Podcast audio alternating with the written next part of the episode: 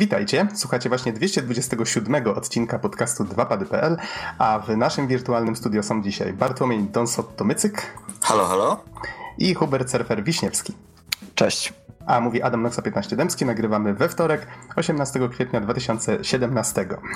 I w tym odcinku będziemy mieli dwa dość obszerne materiały. Oba, z tego co pamiętam, trwają około 50 minut, więc myślę, że we wstępie będziemy starali się raczej streszczać i nie zajmować wam niepotrzebnie czasu. A te materiały to będzie recenzja Nintendo Switch, którą przygotował Surfer z Easy i będzie to recenzja Mafii 3, którą przygotował Don. I przypomnij mi, surfer, y, ta recenzja, nagraliśmy ją, tak myślę, pod koniec marca i chyba ile czasu wtedy spędziliście już z konsolą? Niecały miesiąc. Premiera była 3 marca, o ile dobrze pamiętam, e, więc e, niecały miesiąc. Mhm. Okej, okay, to tak tylko, żeby wszyscy, e, żeby nasi słuchacze wiedzieli dokładnie, ile czasu spędziliście z konsolą, no bo jednak troszeczkę czasu już od nagrania minęło. Ale z tego, co mi mówiłeś przed e, nagrywaniem wstępu, raczej nic się nie zmieniło, tak? I to wszystko jest nadal aktualne. O ile dobrze wiem, to tak. E, przyznam szczerze, że ostatnio nie, nie korzystałem za dużo z konsoli więc ciężko mi powiedzieć. Inna gra mnie wciągnęła trochę mocno i dlatego nie było czasu na nic innego, ale z tego co wiem chyba niewiele się zmieniło. No właśnie chciałem tak na szybko zapytać, w co tam ostatnio graliście panowie, ale domyślam się, że w twoim przypadku to jest raczej pytanie retoryczne. No właściwie powinieneś zadać pytanie, co ostatnio skończyłeś, bo... bo wow, udało ci się. Y, dzisiaj niestety był ten smutny dzień, kiedy, kiedy skończyłem. E, no Personę tak, 5. Personę 5, więc tak e, krótko mogę określić to tylko tym, że skoro po 130 godzinach grania pierwsze co mi przyszło na myśl to chwila to już koniec, ja chcę więcej, to chyba oznacza, że gra jest dobra. E, więc wow. tak, więc zajęło to 128 godzin. Takie, takie przejście, gdzie raczej starałem się swoim dosyć szybkim tempem przechodzić. Raczej, raczej staram się gry w miarę możliwości szybko przejść. E, więc ten wynik jest dosyć hmm, ciekawy, jak na, jak na jakąkolwiek grę. No i, no i co? No i więcej będzie pewnie w recenzji, która zapewne niedługo. Mm, no jestem bardzo zadowolony, ale o tym pogadamy kiedy indziej. Mhm, to skoro już mówisz o Personie, to ja tylko dodam, że również przechodzę, mam w tej chwili ponad 30, chyba tak 35, coś koło tego godzin, ale jeżeli mówisz, że jest tego aż tak dużo, to o wow. Tylko wiesz, tego się, tego się nie no, no. czuję, tak naprawdę. Ja wiem, ja wiem, ostatnie... ja, ja nie narzekam, mm -hmm. po mhm. prostu martwię się pod kątem podcastu, tak? Myślę, że chyba nie będziemy czekali na, na wszystkich, tylko po prostu nagramy recenzję z tobą i, i tak to załatwimy, ale to do tematu jeszcze wrócimy, może nie, nie rozwlekajmy teraz wstępu za mocno niepotrzebnie. Don, w co ty ostatnio grałeś? Um, jeśli chodzi o mnie, to też japońskie klimaty. Akurat e, Nier Automata mam już 7 godzin. Aż albo tylko. Jeśli chodzi mm -hmm. o mhm. mnie, to aż. Natomiast a muszę powiedzieć, że jest to gra bardzo intrygująca, dlatego że ona E, zupełnie nie ma być realistyczna i jest całkowicie inaczej osadzona w konwencjach growych niż na przykład, nie wiem, chociażby The Last Guardian, który też swoją drogą jest w jakiś sposób innowacyjny, e, czy Wiedźmin 3, który jest jakby bardziej klasycznym przykładem e, podejścia do konwencji gatunkowych. Jest to bardzo interesująca gra pod tymi względami. No i jestem właśnie w trakcie. Um, z innych rzeczy Derta dwójkę. Gram Colin McRae, Rally, e, Dirt 2. Um, I muszę powiedzieć, że chociaż jestem mniej więcej w jednej trzeciej gry, tam mam 30 kilka, kilka wyścigów na, na 100 i chociaż wydawałoby się, że gra będzie jakby dosyć banalna i nic w niej takiego nie będzie interesującego, to, um, to z, pewnej, z pewnej perspektywy jest to gra, którą warto sobie zobaczyć. Tyle może na razie pewnie więcej powiem na nadchodzących recenzjach. One pewnie nie będą jakoś szybko, ale, ale pewnie będą. Mhm. A jeszcze raz przypomnij tytuł e, tego Derta. Colin McRae Rally Dirt 2. Tak mi się wydaje, że taki jest pełny tytuł. Okej, okej, okay, okay, bo teraz tych dertów troszeczkę się narobiło i tak. A nie, przepraszam, Colin McRae Dirt 2 po prostu. Aha, okej, okay, okej. Okay. Można, się, można się pogubić już teraz w tych dertach. E, jeżeli o mnie chodzi, to jeszcze przerwałem na moment granie w Personę tydzień temu, żeby skończyć Horizon. i przygotować się do recenzji. Czekam w tej chwili na Iziego, który już skończył Horizon dużo wcześniej i właściwie przeze mnie odwlekaliśmy te recenzje e, ładne, ki ładnych kilka dni. Teraz będziemy musieli niestety poczekać jeszcze trochę dłużej, ale jesteśmy już do tej recki gotowi, Horizon skończony. No i teraz mogę się skupić właściwie na personie, więc jak słyszę, ile zajęło to surferowi, to pewnie mam co robić na najbliższe dwa miesiące. I tym optymistycznym akcentem myślę, że możemy przejść już do recenzji, czyli zapraszamy Was na recenzję konsoli Nintendo Switch i na recenzję gry Mafia 3.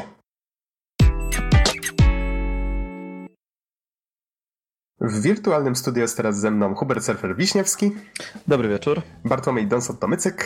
Halo, halo. I Marcin Easy Kołodziej. Cześć.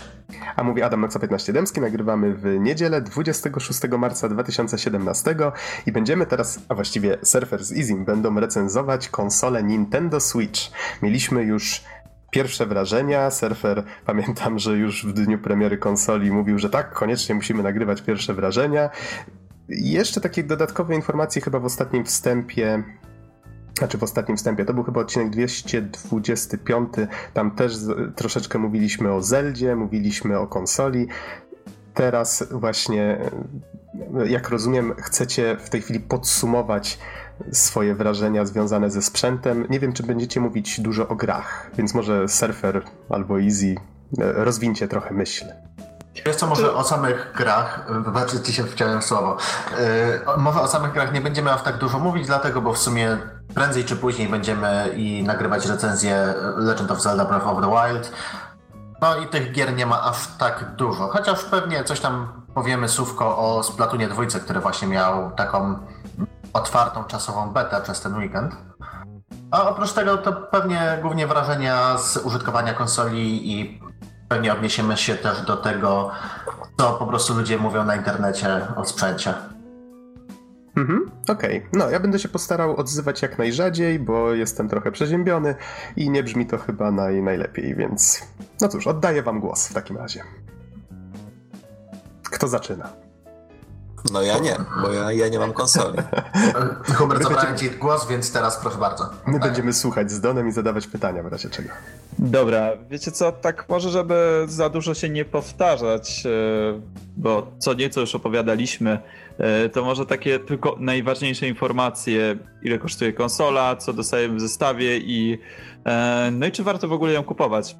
Tak więc no, spędziliśmy troszeczkę już czasu. Premiera konsoli była 3 marca, o ile dobrze pamiętam.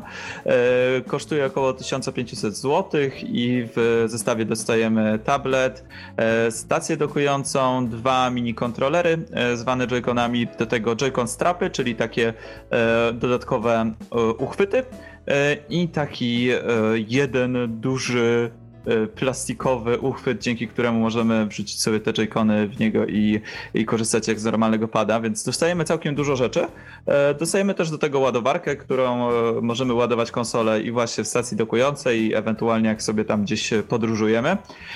No i konsola jest o tyle ciekawa, że jest to oczywiście połączenie konsoli stacjonarnej i przenośnej, więc po wyjęciu ze stacji dokującej na ekran tabletu przeskakuje nam automatycznie to, co mieliśmy na ekranie ekranie telewizora i możemy sobie grać w gry e, właśnie w takiej e, dowolnej konfiguracji i e, najważniejsze tryby grania no to jest tabletop mode, czyli konsola jako sam tablet jest oparta o nóżkę, która jest z tyłu e, i możemy grać e, przy użyciu joyconów, tych dwóch małych kontrolerów albo kontrolera Pro, który można dokupić oddzielnie. Jest e, tryb w doku, czyli na telewizorze, no i handheld mode, czyli tryb taki, że mamy podłączone z boku tabletów tabletu e, Joy-Cony i sobie możemy grać tak jak, nie wiem, na PlayStation Vicie powiedzmy. E, przyznam szczerze, że wszystkie te opcje sprawdzają się naprawdę super i właśnie po to też mniej więcej jest ta recenzja, żeby może ostatecznie ocenić to, co nam się wydawało fajne bądź niefajne przez pierwsze kilka dni użytkowania I jak na razie konsola sprawuje się naprawdę super w każdym z, z każdej z możliwych konfiguracji, chociaż mam problemy techniczne z Joy-Conami. To jest taka rzecz, o której warto pamiętać. Nintendo się tutaj już oficjalnie odniosło. Nawet miałem okazję w tej sprawie pisać z oficjalnym PR-em, PR-owcem na naszą, nasz tutaj region E, od strony Nintendo. No i niestety jest jakaś wada produkcyjna w części kontrolerów, e, czyli gubią one zasięg. E, I niestety w moim przypadku to ma miejsce. Nie jest to jakieś bardzo uciążliwe, ale niestety się zdarza raz na jakiś czas. Jest to bardzo irytujące przy ogrywaniu na przykład takiej Zeldy, gdzie nagle gubi gdzieś tam zasięg na sekundę kontroler i postać sobie biegnie gdzieś zupełnie nie w tym kierunku, co się chce. E, przy czym oczywiście na gwarancji można to wymienić. E, no niestety e, u nas w Polsce jest to o tyle problematyczne, że mm, ten proces naprawy bądź wymiany sprzętu na gwarancji w przypadku Nintendo właśnie trwa naprawdę bardzo długo, więc na swojego 3DS-a, gdy go naprawiałem, czekałem ponad miesiąc i podobno tutaj mniej więcej będzie podobnie, czyli trzeba około 3-4 tygodni czekać na e, naprawę bądź wymianę tych kontrolerów, więc na razie się z tym wstrzymałem. E, co jeszcze? Właśnie, z Izim ograliśmy w ten weekend z Platuna dwójkę. E, czekaj, czekaj, czekaj, czekaj, czekaj, czekaj. Jeszcze, jeszcze parę rzeczy odnośnie sprzętu bym chętnie powiedział. Nie, po pierwsze tak, jeżeli chodzi o same Joy-Cony, to Nintendo już zapowiedziało, że nowe partie sprzętu będą produkowane już z taką specjalną pianką przewodzącą wewnątrz, co ma właśnie naprawić wszelkie problemy związane z łącznością Joy-Conów do konsoli. Więc jeżeli chwilę poczekacie, to popatrzcie po prostu na daty produkcji konsoli, ewentualnie dopytajcie się w sklepach, dlatego, bo już nowe powinny być spoko. Y, dalej, y, co do tego plastiku, który mm, tak jakby kawałek plastiku z metalowymi szynami, gdzie możemy wczepić joycony i to wygląda plus minus jak taki standardowy pad. Co jest też ważne tutaj, to to, że nie naładujemy dzięki niemu joyconów. Y, innym słowem, jeżeli chcemy mieć specjalny uchwyt, który od razu będzie służył nam za, taką, za takiego pada z możliwością ładowania, no to wtedy musimy się y, pogodzić z dodatkowym kosztem 140 zł, chyba tak mi się wydaje, może trochę więcej, właśnie za ten uchwyt ładujący. Niestety, jeżeli chodzi o samą ładowarkę do, do Switcha, to jest tylko jedna. To jest trochę ból, że stacja dokująca to tak naprawdę jest kawałek plastiku. Tak naprawdę. Z, z mm, po prostu z miejscem na zadokowanie konsoli, y, port typu USB typu C. Musimy do niego wpiąć osobno kabel HDMI, który jest w zestawie i ładowarkę. Ale niestety, jako że to jest jedna ładowarka i jeżeli chcemy sobie poukładać kable, to wtedy ona jest cały czas podpięta w taki sposób, że no cóż, musimy wziąć ten dok, otworzyć go, wyciągnąć ładowarkę i dopiero wtedy spakować na przykład do plecaka. Według mnie jest to trochę słabe rozwiązanie, dlatego bo no, tracimy trochę na tej mobilności, jakby na to nie patrzeć. Jeszcze. A, jeszcze... Mam pytanko. Tak, tak, tak? Możemy po prostu wziąć na przykład, jeżeli mamy taką samą ładowarkę do telefonu i w drodze po prostu podczepić go pod prąd i wszystko będzie działać? E, tak, pewnie. Ogólnie, e, ogólnie e, ta ładowarka switchowa to jest chyba jest dosyć normalne napięcie, natężenie chyba 2-4 ampera jakoś tak, czyli jeżeli wepniemy jakąś słabszą, to powinno spokojnie, e, spokojnie działać. Co więcej, jeżeli ktoś korzysta z powerbanków, to też nie krępować się, tylko po prostu podpinać kablem USB typu C. To jest najważniejsze, że po prostu to, tak jak aktualnie najpopularniejsze są y, mikro USB, to, to jest nowszy kabelek, więc będziemy musieli się, będziemy musieli po prostu dopłacić. E, znaczy, tutaj z tą ładowarką to nie do końca, bo nie wiem jak w Twoim przypadku, ale w moim e, jest problem na przykład e, z ładowarką od OnePlus Free telefonu, więc nie ładuję. To dlatego, że y, ładowarka OnePlusowa jest 4 amperowa. Więc to trochę za dużo jak, jak na Switcha i po prostu będzie się bronił przed tym. Dokładnie tak, więc nie jest to takie oczywiste. Jeżeli chodzi o powerbanki, to tutaj też, żeby nie było pretensji do nas, Nintendo nie zaleca oczywiście używania ich. W każdym razie można ich używać i sprawują się całkiem nieźle, bo można z takich w miarę, w miarę niedrogich powerbanków wyciągnąć powiedzmy te dodatkowe 7-8 godzin grania, czyli no starsza już wtedy konsola powiedzmy na łącznie 11 godzin, bo normalna bateria wytrzymuje około 3 godziny w przypadku Zeldy do około 5 w przypadku mniej wymagających gier, więc nie jest to jakoś super dużo. No ale tak jak Izzy wspominał, jest to jest w konsoli port USB typ C, więc tutaj z tym nie powinno być problemu. Fajnie, że e, Nintendo odeszło od jakichś swoich e, własnych wymysłów, tylko poszli troszeczkę z duchem czasu i e, no i jest to zdecydowanie na plus. Tak, pewnie. Właśnie jedyne, co mnie po prostu boli w tym przejściu, to jest to, że te ładowarki do Switcha są drogie, bo to jest chyba też coś około 130 zł aktualnie za dodatkową ładowarkę. I albo możemy się bawić i po prostu codziennie odczepiać, podczepiać do stacji dokującej, albo wybulić kolejne pieniądze na ładowarkę. No, niestety peryferia w ogóle są drogie. Tak więc pad e, kontroler Pro kosztuje coś około 300 zł, chyba 270 czy 280 zł kosztują Joy-Cony, e, więc niestety mm, dodatkowe rzeczy są bardzo drogie. No i oczywiście sama mm, konsola ma bardzo niedużo miejsca e, na swojej e, kart, na swojej wewnętrznej pamięci. Jest to 20 parę giga wolnego miejsca, e, więc tak naprawdę warto jeszcze zainwestować w kartę microSD. No, sądzę, że tak przynajmniej 64 giga, jeżeli ktoś planuje kupować różne rzeczy ze shopu. Ale tak, wydaje mi się, że może od strony hardware'owej byśmy odeszli, bo to są takie suche informacje, które każdy może sobie przeczytać w internecie i, i oczywiście fajnie, że zrobiliśmy takie podsumowanie tego wszystkiego. Nie wiem, Easy, zaraz powiedz, czy, czy ty masz jakieś problemy hardware'owe, czy, czy u ciebie jest wszystko w porządku, ale bardziej chciałbym, żebyśmy skupili się na e, samym E, doświadczeniu płynącym z konsoli. To znaczy, jak, w jakich konfiguracjach, w jakich sytuacjach udało Ci się przetestować konsolę. Możemy troszeczkę powiedzieć o software'ze, e, trochę o grach, trochę o funkcjach sieciowych, które są na razie bardzo, bardzo niewielkie.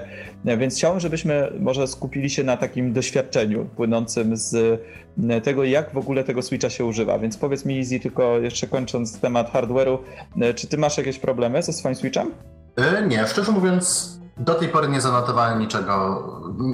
Nic, nic się nie psuje, wszystko działa, jest bezproblemowo.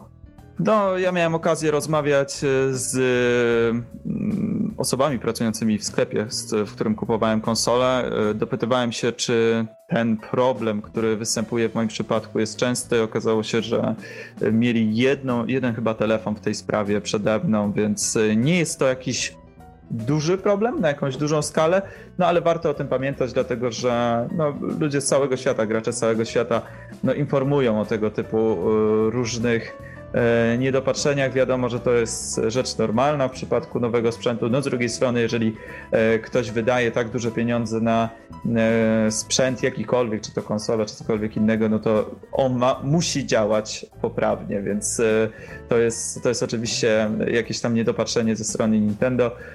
No ale dobrze, że przynajmniej w jakiś sposób przyjęli do wiadomości, że ten problem z Joy-Conami istnieje i, e, i przyjęli jakąś strategię i dali informacje graczom. Dobrze, Easy, powiedz mi, czy ty miałeś okazję korzystać w jakichś takich hmm, może nie tyle nietypowych, bo, bo, bo, złe słowo, ale chodzi mi o to, że jak oglądałeś te reklamówki Nintendo Switch, to tam byli tacy zadowoleni ludzie, którzy sobie grali w różnych miejscach, w różnych konfiguracjach z tymi joyconami poukładanymi inaczej, e, w podróży i tak dalej, i tak dalej. E, powiedz mi, czy ty miałeś jakieś tego typu doświadczenia e, związane z konsolą, czy na razie korzystasz z niej jak z konsoli stacjonarnej? Ale rzeczywiście, za każdym razem, gdy spełnia się pełnia, e, pełnia księżyca, to wtedy wychodzę do, ze znajomymi do parku, żeby pograć na Switchu, specjalnie, specjalnie kładąc go na ławce. Albo na przykład, ja sobie jestem w stanie wyobrazić taką sytuację, że no nie wiem, może w imię dobra testu po prostu kupiłeś jakiś bilet, nie wiem, do Katowic czy coś takiego. E, Zgadłeś, bo jechałem ostatnio do Katowic i jechałem z konsolą, dokładnie tak, Don. Nie wiem skąd bo... wiedziałeś, dlatego że nie rozmawialiśmy chyba na ten temat, ale... Nie, nie rozmawialiśmy, potwierdzam. Więc tak, to jest wszystko live. Więc, po, potwierdzam, tak, że surfer odbył taką podróż. Owszem. Tak, ale nie była to specjalnie dla testów, to było tylko przy okazji, więc miałem okazję potestować w taki sposób konsolę, grając właśnie w formie handheldowej i w tym tabletop mode ze znajomym graliśmy akurat Sniper Clips w drodze powrotnej z Katowic pięknych do, do Warszawy i gra się naprawdę super, więc sprawdza się to naprawdę bardzo fajnie. Zresztą robiłem też prezentację znajomym e, w knajpie tych możliwości konsoli, więc było prawie życie jak z reklamy. Generalnie przepięknie i wszyscy byli pięknie uśmiechnięci i była piękna pogoda i tak dalej.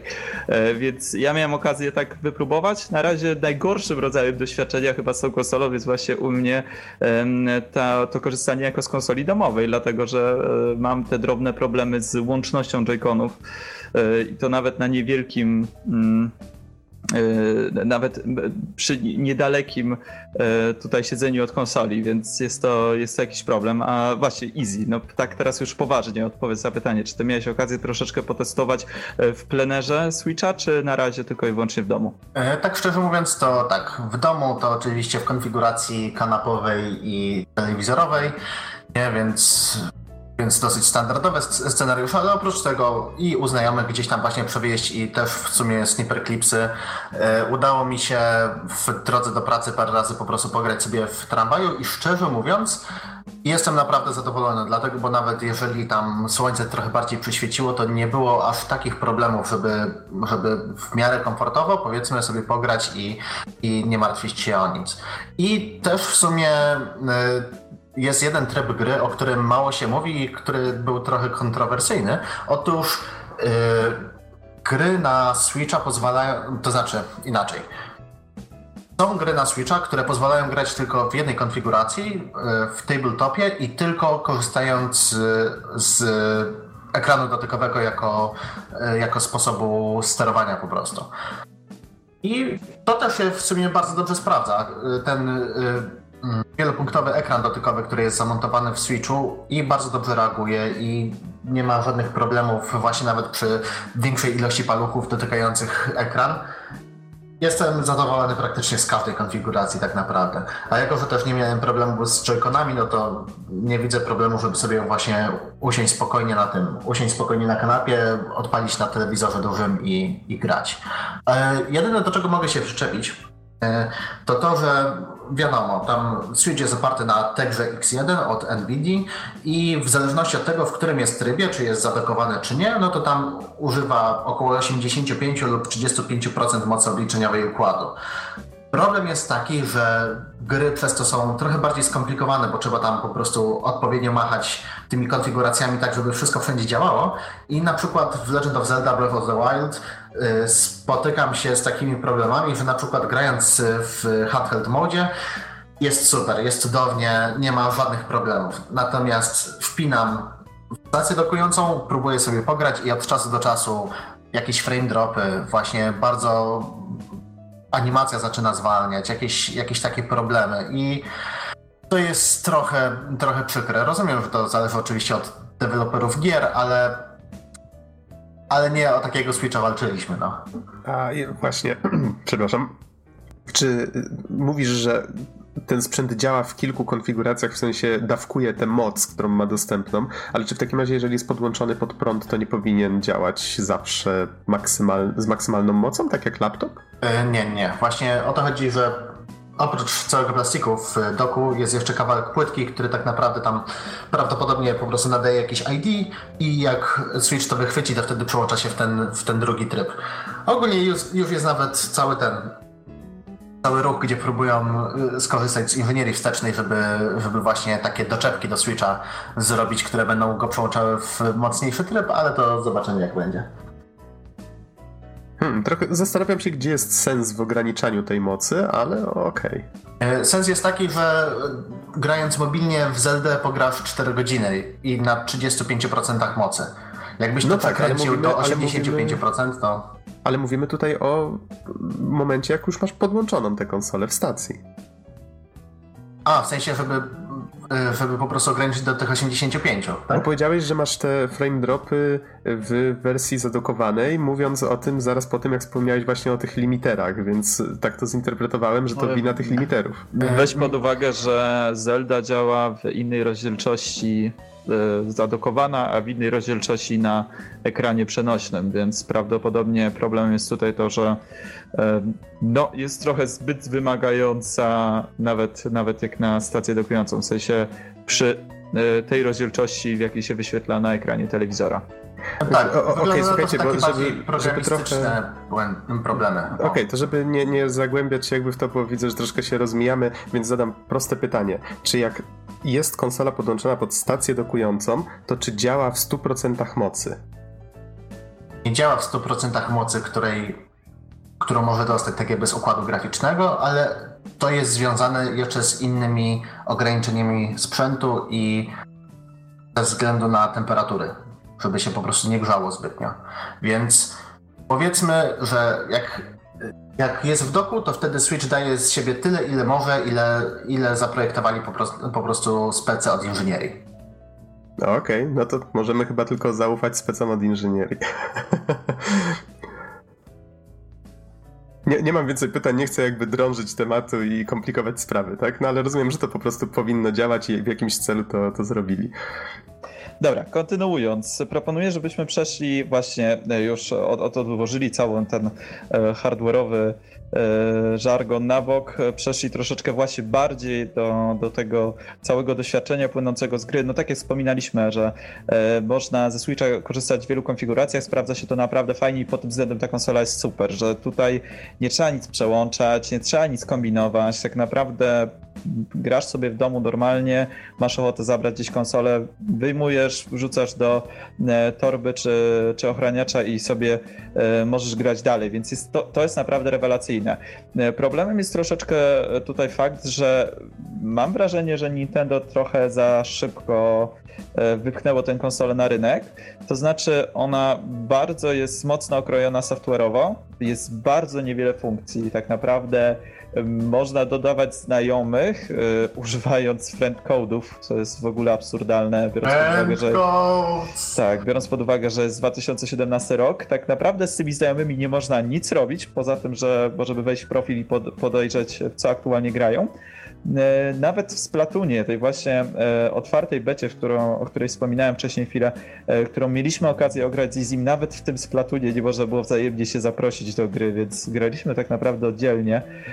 Nie ma nadal tej aplikacji do voice chata, więc nie ma ta konsola aktualnie żadnych możliwości korzystania z, mm, z głosowej komunikacji. EShop jest bardzo okrojony, tak naprawdę jest tam lista gier, lista gier nadchodzących i wyszukiwarka. Nie ma żadnych e, e, kategorii, nie jest nic pogrupowane, jest to generalnie bardzo biedne. Więc o ile samo, sam design tego menu konsoli mi się podoba, bo jest taki bardzo minimalistyczny, przyjemny e, i prosty w użyciu, tak no niestety jest bardzo jest go bardzo niewiele, jest bardzo niewiele opcji i to mnie troszeczkę razi, trochę martwi. E, Wiadomo, że to jest coś, co będzie z czasem aktualizowane, ale na razie to wygląda trochę biednie. Co o tym sądzisz, Izzy? Y, Wiesz co, akurat mi też się podoba właśnie ten taki minimalizm i to, że to jest przejrzyste, fajne, ładne, zgrabne. I, ale na przykład tak w tym, w e-shopie, no to nie dziwi mnie brak kategorii i, i czegoś takiego, dlatego, bo nie mamy aż tak dużo pozycji, żeby, żeby to w ogóle trzeba było... Pardon? Nie ma, y, tam jest na tyle mało po- pozycji, że nie ma co wprowadzać właśnie dodatkowych podziałów. Jeżeli spokojnie wszystko na jednym ekranie, przewijając dwa razy w dół, możemy zobaczyć. Więc pewnie będzie więcej tytułów, no to powinni coś wprowadzić, ale y, rzeczywiście, jeżeli chodzi o same te takie społecznościowe funkcje, no to trochę brakuje. Niby jest ten Nintendo Companion App na komórkę, żeby właśnie mieć czat głosowy przez, przez ten podczas grania, ale no sorry, to nie tak E, przepraszam, powinno być. jeszcze raz, co mówisz? Że E, jest Ma być, tak, ma być, ma być companion app, bo na razie jest tylko apka rodzicielska i ona jest fajna do kontroli rodzicielskiej, to znaczy można sparować konsolę z telefonem i ograniczać y, gry wiekowo, bądź y, dawać możliwość grania tylko w konkretnych godzinach i tak dalej, więc ona działa naprawdę fajnie. Do tego tam mamy całą statystykę y, tego, ile, ile w dane gry graliśmy E, danego dnia, więc jest to spoko, ale na razie tej aplikacji. Chyba, jeżeli mogę się trącić, mhm. jeżeli mogę się trącić, i chyba nawet rodzic może w czasie rzeczywistym obserwować, w co gra dziecko i może zablokować konsolę, jeżeli uzna to za stosowne. Tak, dokładnie. Może sobie ustawić tam na przykład, no, no to zostało ci 15 minut do końca i tam rzeczywiście po 15 minutach się po prostu blokuje, jest powiadomienie na konsoli. To jest to jest znaczy, super rozwiązanie. Z, z, tego co pamiętam z tego filmiku, który bardzo fajny swoją drogą Nintendo opublikowało, dziecko jest informowane, że twój czas się skończył, ale gra się nie wyłącza, bo to by było no, raczej mało subtelne. Rodzic po prostu widzi, że dziecko nadal gra, tak? I jeżeli trochę przegnie, no to może wtedy czerwony przycisk nacisnąć, bum i koniec. Taki uh, last resort, jak to nazwano w tym filmiku. No, ale, Przyci... bądź, ale bądź co bądź Według mnie super rozwiązanie, mm -hmm, naprawdę. Tak, tak, zgadza się, bardzo fajnie. W ogóle, w ogóle też to, że Nintendo myśli o jakichś takich e, o jakichś takich głupich szczegółach i takich w sumie rzeczach, które przeciętnemu graczowi są, są zbędne, prawda? Bo z jednej strony właśnie mamy to, że mamy niedopracowane jakieś te menu, opcje społecznościowe, których nam brakuje, a z drugiej strony ma, mamy tak w miarę dopracowaną taką apkę, albo ewentualnie nawet jedna z, e, że tak powiem, głupszych i ciekawszych rzeczy, która ostatnio w e, branży gier wideo się pokazała, to to, że kartridże do Nintendo Switcha są strasznie gorzkie, żeby dzieci ich nie próbowały zjeść. I nagle wszyscy youtuberzy liżą kartridże. Też próbowałem. O, nie, wszyscy nie, podcasterzy nie. też Jestem dorosły i nawet, nawet bym, bym nie myślał o tym, żeby to ten jeść. No, ale, ale właśnie to jest takie, okej, okay, przygotowali się z jednej strony, ale teraz powinni przede wszystkim celować w korowych graczy, którzy tak naprawdę jako pierwsi kupią sprzęt, będą testować i będą chcieli Myślałem, ogarnąć. że powiesz, Myślałem, że powiesz, będą powinni celować w korowych graczy, którzy szukają nowych smaków, na przykład truskawkowy albo coś eee, innego. no powie, powiedzmy, tak, nowych smaków, jeżeli chodzi o mobilność platformy gamingowej, tak, e, truskawkowy niekoniecznie, ale, e, ale no, Właśnie uważam, że powinni po prostu podejść do tego trochę inaczej i skupić się skupić się jednak na tych ważnych rzeczach dla graczy, a, a resztę po prostu przesunąć trochę w czasie. No, niestety. Tutaj taka konkluzja moja jest, że konsola chyba została wypchnięta za szybko na rynek, że brakuje takich naprawdę podstawowych funkcjonalności, co jest mm, no do przeżycia jeszcze na ten moment, bo z drugiej strony wiedziałem na co się godzę tak naprawdę kupując przed od razu w dniu premiery. No ale, ale fajnie by było, żeby tutaj Nintendo naprawdę szybko zaczęło coś działać i wypuszczać jakieś aktualizacje. No niestety ilość gier też jest niewielka, tak jak tutaj Easy wspominał. E, no, właśnie ten eShop nawet nie ma żadnych kategorii, no w sumie nie są potrzebne na ten moment, bo wszystko jest, e, wszystkie tam 20 czy 30 gier jest e, w eShopie na jednej stronie. Nawet jakby o tym, wybaczyć się wtrącę, nawet jakby mhm. o tym mhm. pomyśleć, powiedzmy, wyglądałoby to strasznie słabo, gdyby powiedzmy, nie wiem, jedna trzecia kategorii była na razie pusta. To fakt, to fakt. Dlatego być może, być może takie rozwiązanie aktualnie jest lepsze. E, słuchajcie, czy macie jakieś pytania do nas, bo wiem, że to troszeczkę wszystko może być e, chaotyczne, bo tu nadal dużo różnych emocji e, wchodzi, wchodzi w grę, że tak powiem. Ale czy, czy wy, nie wiem, w jaki sposób rozważacie zakup? Czy jest coś, co mogłoby Was przekonać? Czy coś, co Was odrzuca? Czy e, macie jakieś wątpliwości? E... Ja mam jedno pytanie. To znaczy, jeżeli chodzi o odpowiedź na, na to, co pytasz, e, czyli czy planuję zakup, Liczę na to, że Nintendo z, w czerwcu na E3 zapowie nowego Metroida.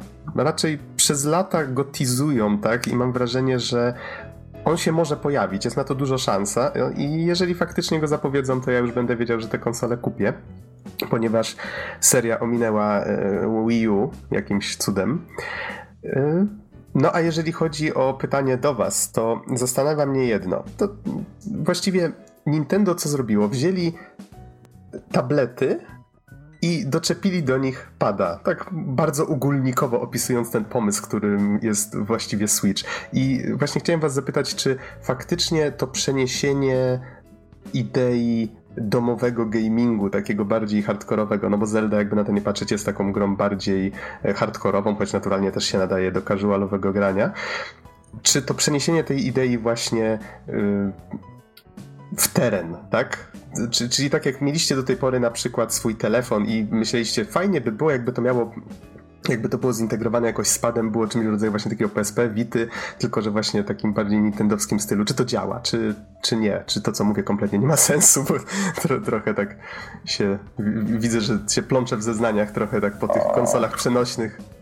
Według mnie jak najbardziej działa, szczególnie, że e, tutaj chyba zatoczymy takie koło, bo ważnym elementem właśnie jest ten hardware, czyli to, że cała konsola jest wykonana naprawdę fajnie i solidnie, że ekran jest naprawdę ładny i ma takie bardzo wyraźne e, kolory i, i jest naprawdę super. Więc e, nie masz takiego poczucia, tak jak to było na przykład z grami na Vita, e, że grałeś w takie Uncharted Golden Abyss, czy jakieś inne gry z serii, które raczej były mm, na dużych domowych konsolach. Ja przynajmniej miałem takie wrażenie, że gram w taki trochę okrojony, jakiś nie do końca. Mm, no nie wiem, nie, nie, do końca dobrze wykończony tytuł.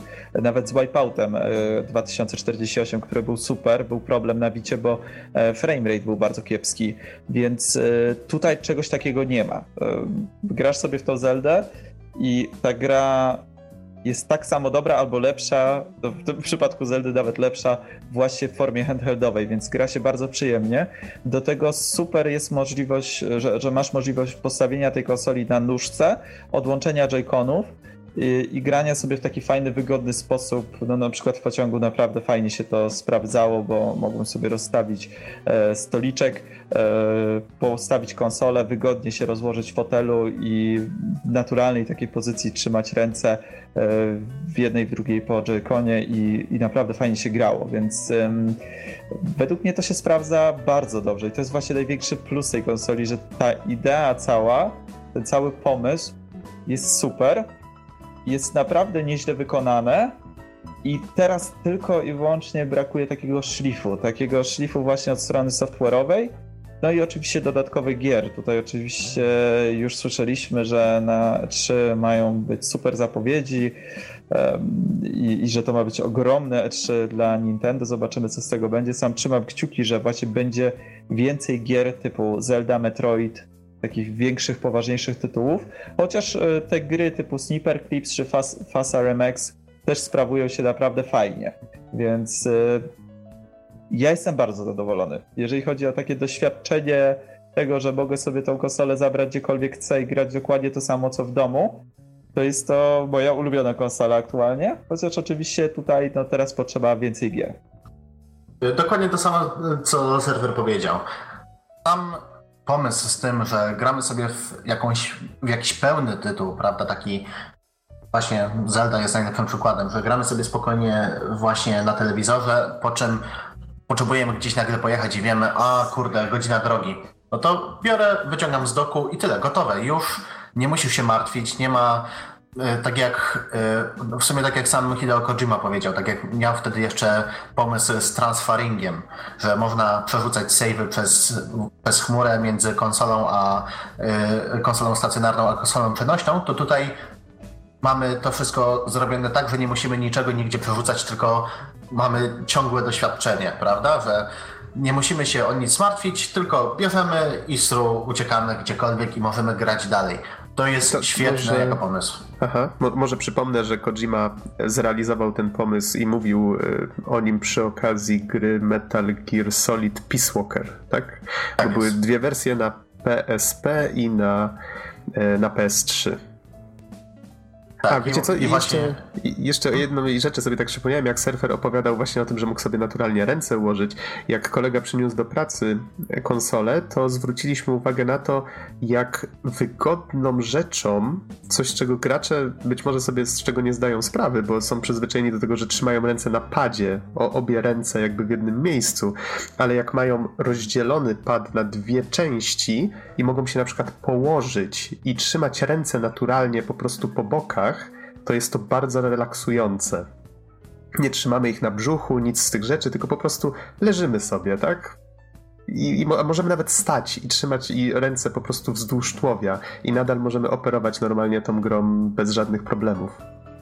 W ogóle to jest super wygodne, bo e, więcej razy na pewno e, w domowych warunkach grałem trzymając joycony oddzielnie niż e, w tym mm, w tej formie pada, takiego złączonego. Mimo tego, że niby oczywiście ten pad, jak się go złączy, jest wygodniejszy sam sobie, tak jednak właśnie możliwość tych swobodnych ruchów, czy tego, że człowiek nie jest zmuszony do tego, żeby trzymać ręce złączone, no powoduje, że dla mnie te joycony oddzielnie są naprawdę fajnym rozwiązaniem i dobrze się to sprawuje. Jest bardzo fajne, wygodne. E, same joycony zresztą są dużo wygodniejsze niż mogłoby to się wydawać. Leżą w dłoniach naprawdę fajnie, więc, um, więc jest to zdecydowanie na plus. Ogólnie to jest coś takiego, to nie jest nic nowego, że tak powiem, dlatego, bo jakby na to nie patrzeć, Wii miało to samo. W sensie mieliśmy osobno Nunchaka, mieliśmy osobno Wilota, tylko Osobno te kontrolery nie były aż takie wygodne jak Joy-Cony. I rzeczywiście, nawet ja gdzie tak myślałem, żeby nie kupić Pro kontrolera, dlatego, bo od, od dziecka gram na padzie i po prostu nie, y, ciężko jest mi sobie aktualnie wyobrazić granie nie na padzie siedząc przed, przed telewizorem. A tu stwierdziłem, a dobra, spróbuję, zobaczymy jak to będzie wyglądało. I rzeczywiście, siadasz sobie z tymi dwoma joyconami i, i jest mega fajnie, wygodnie i zajmujesz nic cię nie ogranicza, prawda? To jest super, ale właśnie, jeszcze co do Joy-Conów, y, jeden taki mały szczegół mi się przypomniał, y, coś czego mi brakuje w Switchu, a jest w konkurencyjnych konsolach stacjonarnych. Otóż to, że spusty na Joy-Conach nie są analogowe, tylko są cyfrowe. Oczywiście pewnie ze względu na miejsce i na wagę i tak dalej, i tak dalej, ale Wyobrażam sobie, że w przypadku paru gier, szczególnie jakichś ścigałek albo czegoś, to może mieć jakieś poważniejsze konsekwencje.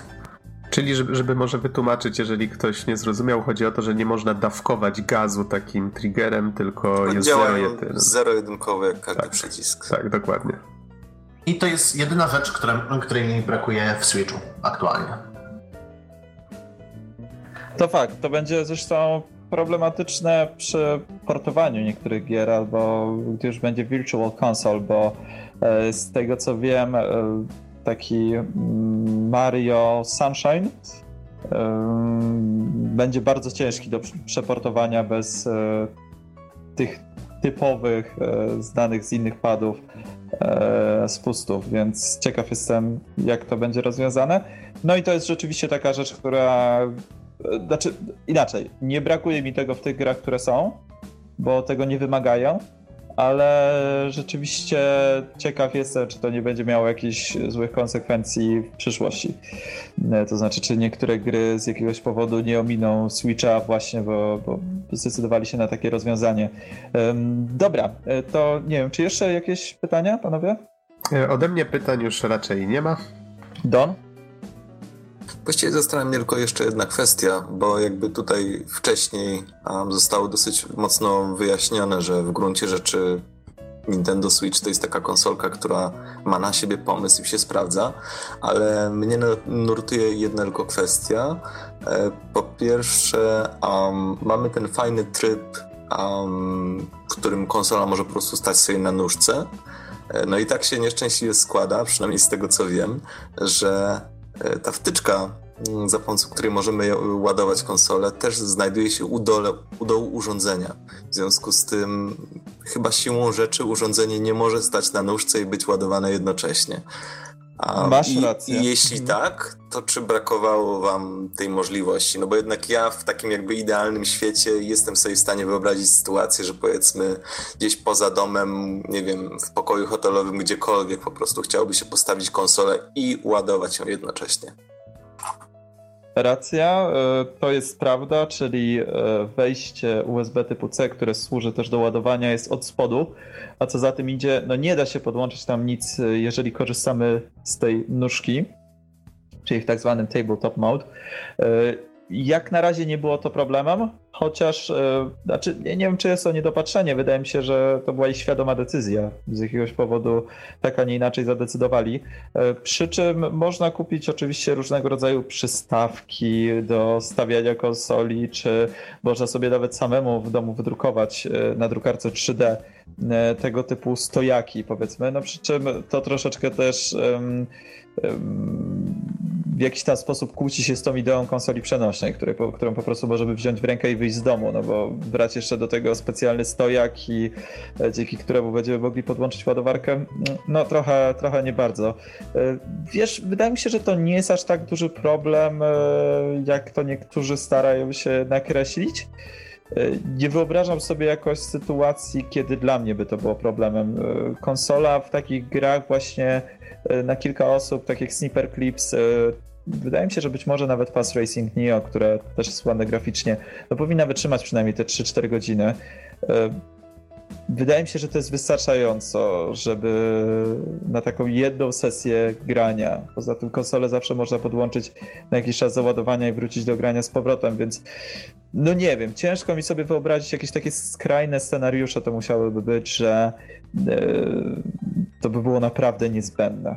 Więc... Mi się wydaje, że to jest trochę tak by design, prawda? Dlatego, bo z jednej strony mamy dock, więc fajnie by było właśnie, żeby wsadzając do doku, żebyśmy mogli to jakoś podłączyć, a nie żadne dodatkowe kabelki. Z kolei zawsze na górze konsoli, szczególnie przenośnej, muszą być wywietrzniki po prostu żeby, żeby chłodzić sprzęt wewnątrz, prawda? A do tego jednak jak mamy dostęp do ładowarki i chcemy ładować, to przeważnie jesteśmy jednak w domu, a nie gdzieś w trasie. To znaczy oczywiście rozumiem, że jesteśmy gdzieś w trasie typu pociąg czy coś i tam chcemy podładować, no ale z drugiej strony tak jak, e, tak jak Hubert powiedział, że przecież nie będziemy przewozili ze sobą podstawki, dlatego bo to zabija z kolei cały, cały pomysł tego, że to jest konsola mobilna. Więc Wydaje mi się, że to przede wszystkim było by design, ale rzeczywiście mogliby to e ewentualnie inaczej zrobić, chociaż szczerze mówiąc na, na tą chwilę to nie mam pomysłu jak. Czyli mówiąc krócej, jedyną opcją, jeżeli w, tra w transporcie ładujemy, no to musimy trzymać po prostu konsolę w rękach. Tak jest. Okej, okay. urodziły mi się dwa pytania. E, pierwsze pytanie to, czy ten prawy trigger przepraszam, nie trigger, tylko gałka, czy ona nie przeszkadza, jak się ma duże kciuki i próbuje się naciskać te guziczki malutkie, które są nad nią? E, to znaczy, wiesz co, wydaje mi się, że ogólnie osoby, które mają gigantyczne dłonie, mogą mieć problemy z joyconami. W sensie, jeżeli, okay. jak, jak będą osobno. Dlatego, bo no jednak to są dosyć, dosyć małe pady. Jeżeli gra się w dwie osoby właśnie na pojedynczych joyconach, to w, myślę, że mogą być rzeczywiście problemy. Czyli gdybym teoretycznie Mariusz Pudzianowski okazał się fanem tej konsoli, to to mogłoby nie być do końca wygodne rozwiązanie dla niego. To musiałby kupić Pro Controller, który jest normalnej wielkości i jest bardzo podobny do tego z Xboxa 360 czy Xboxa One więc na to też jest rozwiązanie. Poza tym te Joy-Con strapy, czyli te paski, które możemy przypiąć do Joy-Conów, gdy są poza stacją dokującą, one też dają troszeczkę większą powierzchnię, uwypuklają te dodatkowe przyciski, e, więc e, może to być też dobre rozwiązanie dla niektórych. Jeżeli o mnie chodzi, no nie mam jakichś gigantycznych rąk, wydaje mi się, że mam chyba takie standardowe, nie, nie wiem szczerze mówiąc, ale wydaje mi się, że chyba są w miarę normalnej wielkości. E, w moim przypadku jest super. No a trzeba by było zapytać kogoś z gigantycznymi e, dłońmi, jak to wygląda. Ja mam trochę większe łapy, mi się wydaje, a dalej jest wygodnie. No i zapomniałem swojego drugiego pytania. A, nieważne. Co, coś miałem na myśli, ale już mi uleciało. O, to myśl nad pytaniem. Ja jeszcze w międzyczasie dopowiem odnośnie ilości gier na, na storze. To to, że Nintendo w końcu otworzyło się na indie deweloperów, na wydawców gier indie, jakkolwiek głupio by to nie brzmiało. I dzięki temu mam nadzieję, że będzie więcej gier, więcej fajnych gier i to trochę przyspieszy tak jakby proces y, przyswajania, proces wchodzenia na, na rynek y, przez Nintendo Switcha. Bo spoko, rozumiem, że, że gry AAA, ekskluzywy i tak dalej sprzedają konsole, ale jednak myślę, że duża baza mniejszych, tańszych gier pozwoli, pozwoli po prostu łatwiej sprzedać i przekonać ludzi do kupowania. Okej, okay, panowie, powiedzcie, czy jeszcze chcecie o czymś wspomnieć, czy już raczej zmierzacie do podsumowania? Sądzę, że możemy podsumować, więc może ja tylko szybko e, dwa zdania od siebie na koniec. Moja opinia jest taka. Konsola mi się bardzo podoba, korzysta się z niej naprawdę fajnie. E, miałem możliwość testowania w różnych e, warunkach, w różnych konfiguracjach i każdym, no poza tymi drobnymi problemami z łącznością Joy-Conów, e, konsola sprawuje się naprawdę fajnie. Te gry, co są i co mam kupione, czyli tam Sniper Clips, Fast Racing, RMX, Zelda, są bardzo fajne, więc ja osobiście jestem bardzo zadowolony. Przy czym no, nie, nie powiedziałbym, żeby każdy ze słuchających teraz leciał i kupował konsolę, bo, bo jest to dosyć drogi sprzęt. Ale wydaje mi się, że, że wyszło to naprawdę fajnie. Mam nadzieję, że będzie się to dobrze sprzedawać. Mam nadzieję, że będą na to fajne gry wychodzić, bo sam koncept jest rewelacyjny i kurczę, no czegoś takiego chyba nie było jeszcze e, na rynku takich dużych konsol. I według mnie wyszło to naprawdę nieźle, więc e, ja jestem bardzo, bardzo zadowolony. Ja dodam jeszcze tylko to, że też jestem bardzo zadowolony, nie żałuję, y, jak najbardziej nie żałuję zakupu i po prostu czekam na więcej giereczek. I bardzo mi się podoba właśnie ta mobilność, nie? Ta mobilność jest po prostu rewelacyjna, tym bardziej, że mam problem z konsolami y, mobilnymi taki, że spoko mam gry, które są naprawdę bardzo fajne, ale jak siadam, jak siadam sobie spokojnie na mieszkaniu i chcę w nie pograć, no to niekoniecznie chce mi się leżeć po prostu z konsolą przenośną cały czas. Albo ewentualnie gdzieś, tą, gdzieś tam nią machać w powietrzu i tak dalej. I Switch załatwia ten problem, bo po prostu odstawiam konsolę i jest gotowe już. Okej, okay, no to sądzę, że, że można na tym zakończyć. Y, jak mogliście słyszeć, my jesteśmy bardzo zadowoleni, bardzo nam się podoba. Czekamy w takim razie na więcej gier. Y, już w przyszłym miesiącu Mario Kart 8, pograliśmy trochę z Platuna i z Platun, jeżeli wam się podobał jedynka, to prawdopodobnie dwójka też wam się będzie podobać. Do tego w drodze są Xenoblade, nowe Mario, więc, więc kilka tych gier na horyzoncie jest. Zobaczymy jeszcze, co Nintendo pokaże na E3. Y, jak na razie jesteśmy zadowoleni i, i, patrzymy w przyszłość e, optymistycznie, a jak będzie dalej, to na pewno będziemy informować na bieżąco. Na pewno za jakiś czas będziemy recenzować Zeldę. Być może także inne gry, bo Sniper Clips jest rewelacyjną grą e, dla kilku osób, bardzo, bardzo fajny party game. E, będziemy pewnie recenzować Mario Kart, bo ja przynajmniej mam zamiar kupić na premierę, nie wiem jak Easy. No i pewnie będziemy co jakiś czas do tematu wracać, w razie jakichś większych aktualizacji, czy jakichś nowości związanych ze Switchem. Sądzę, że ten temat będzie się pojawiał u nas regularnie, bo no, start nowej konsoli zawsze jest czymś ekscytującym, więc yy, na pewno będziemy o tym informować. No i ja dziękuję Wam bardzo za to, że nas wysłuchaliście. Dzięki Easy, że podzieliłeś się swoim zdaniem. Widzę, że opinię mamy dosyć podobną. Dzięki Don yy, i Nox za pytania, chociaż chyba akurat Don tam. A, zadałeś się do pytania, to fakt. Yy, no i co? I do usłyszenia w takim razie. Mnie. Na razie. Słucham. Doceni mnie. No, doceniam, doceniam Twój wkład w nasze nagranie. Yy, dzięki wielkie i do usłyszenia.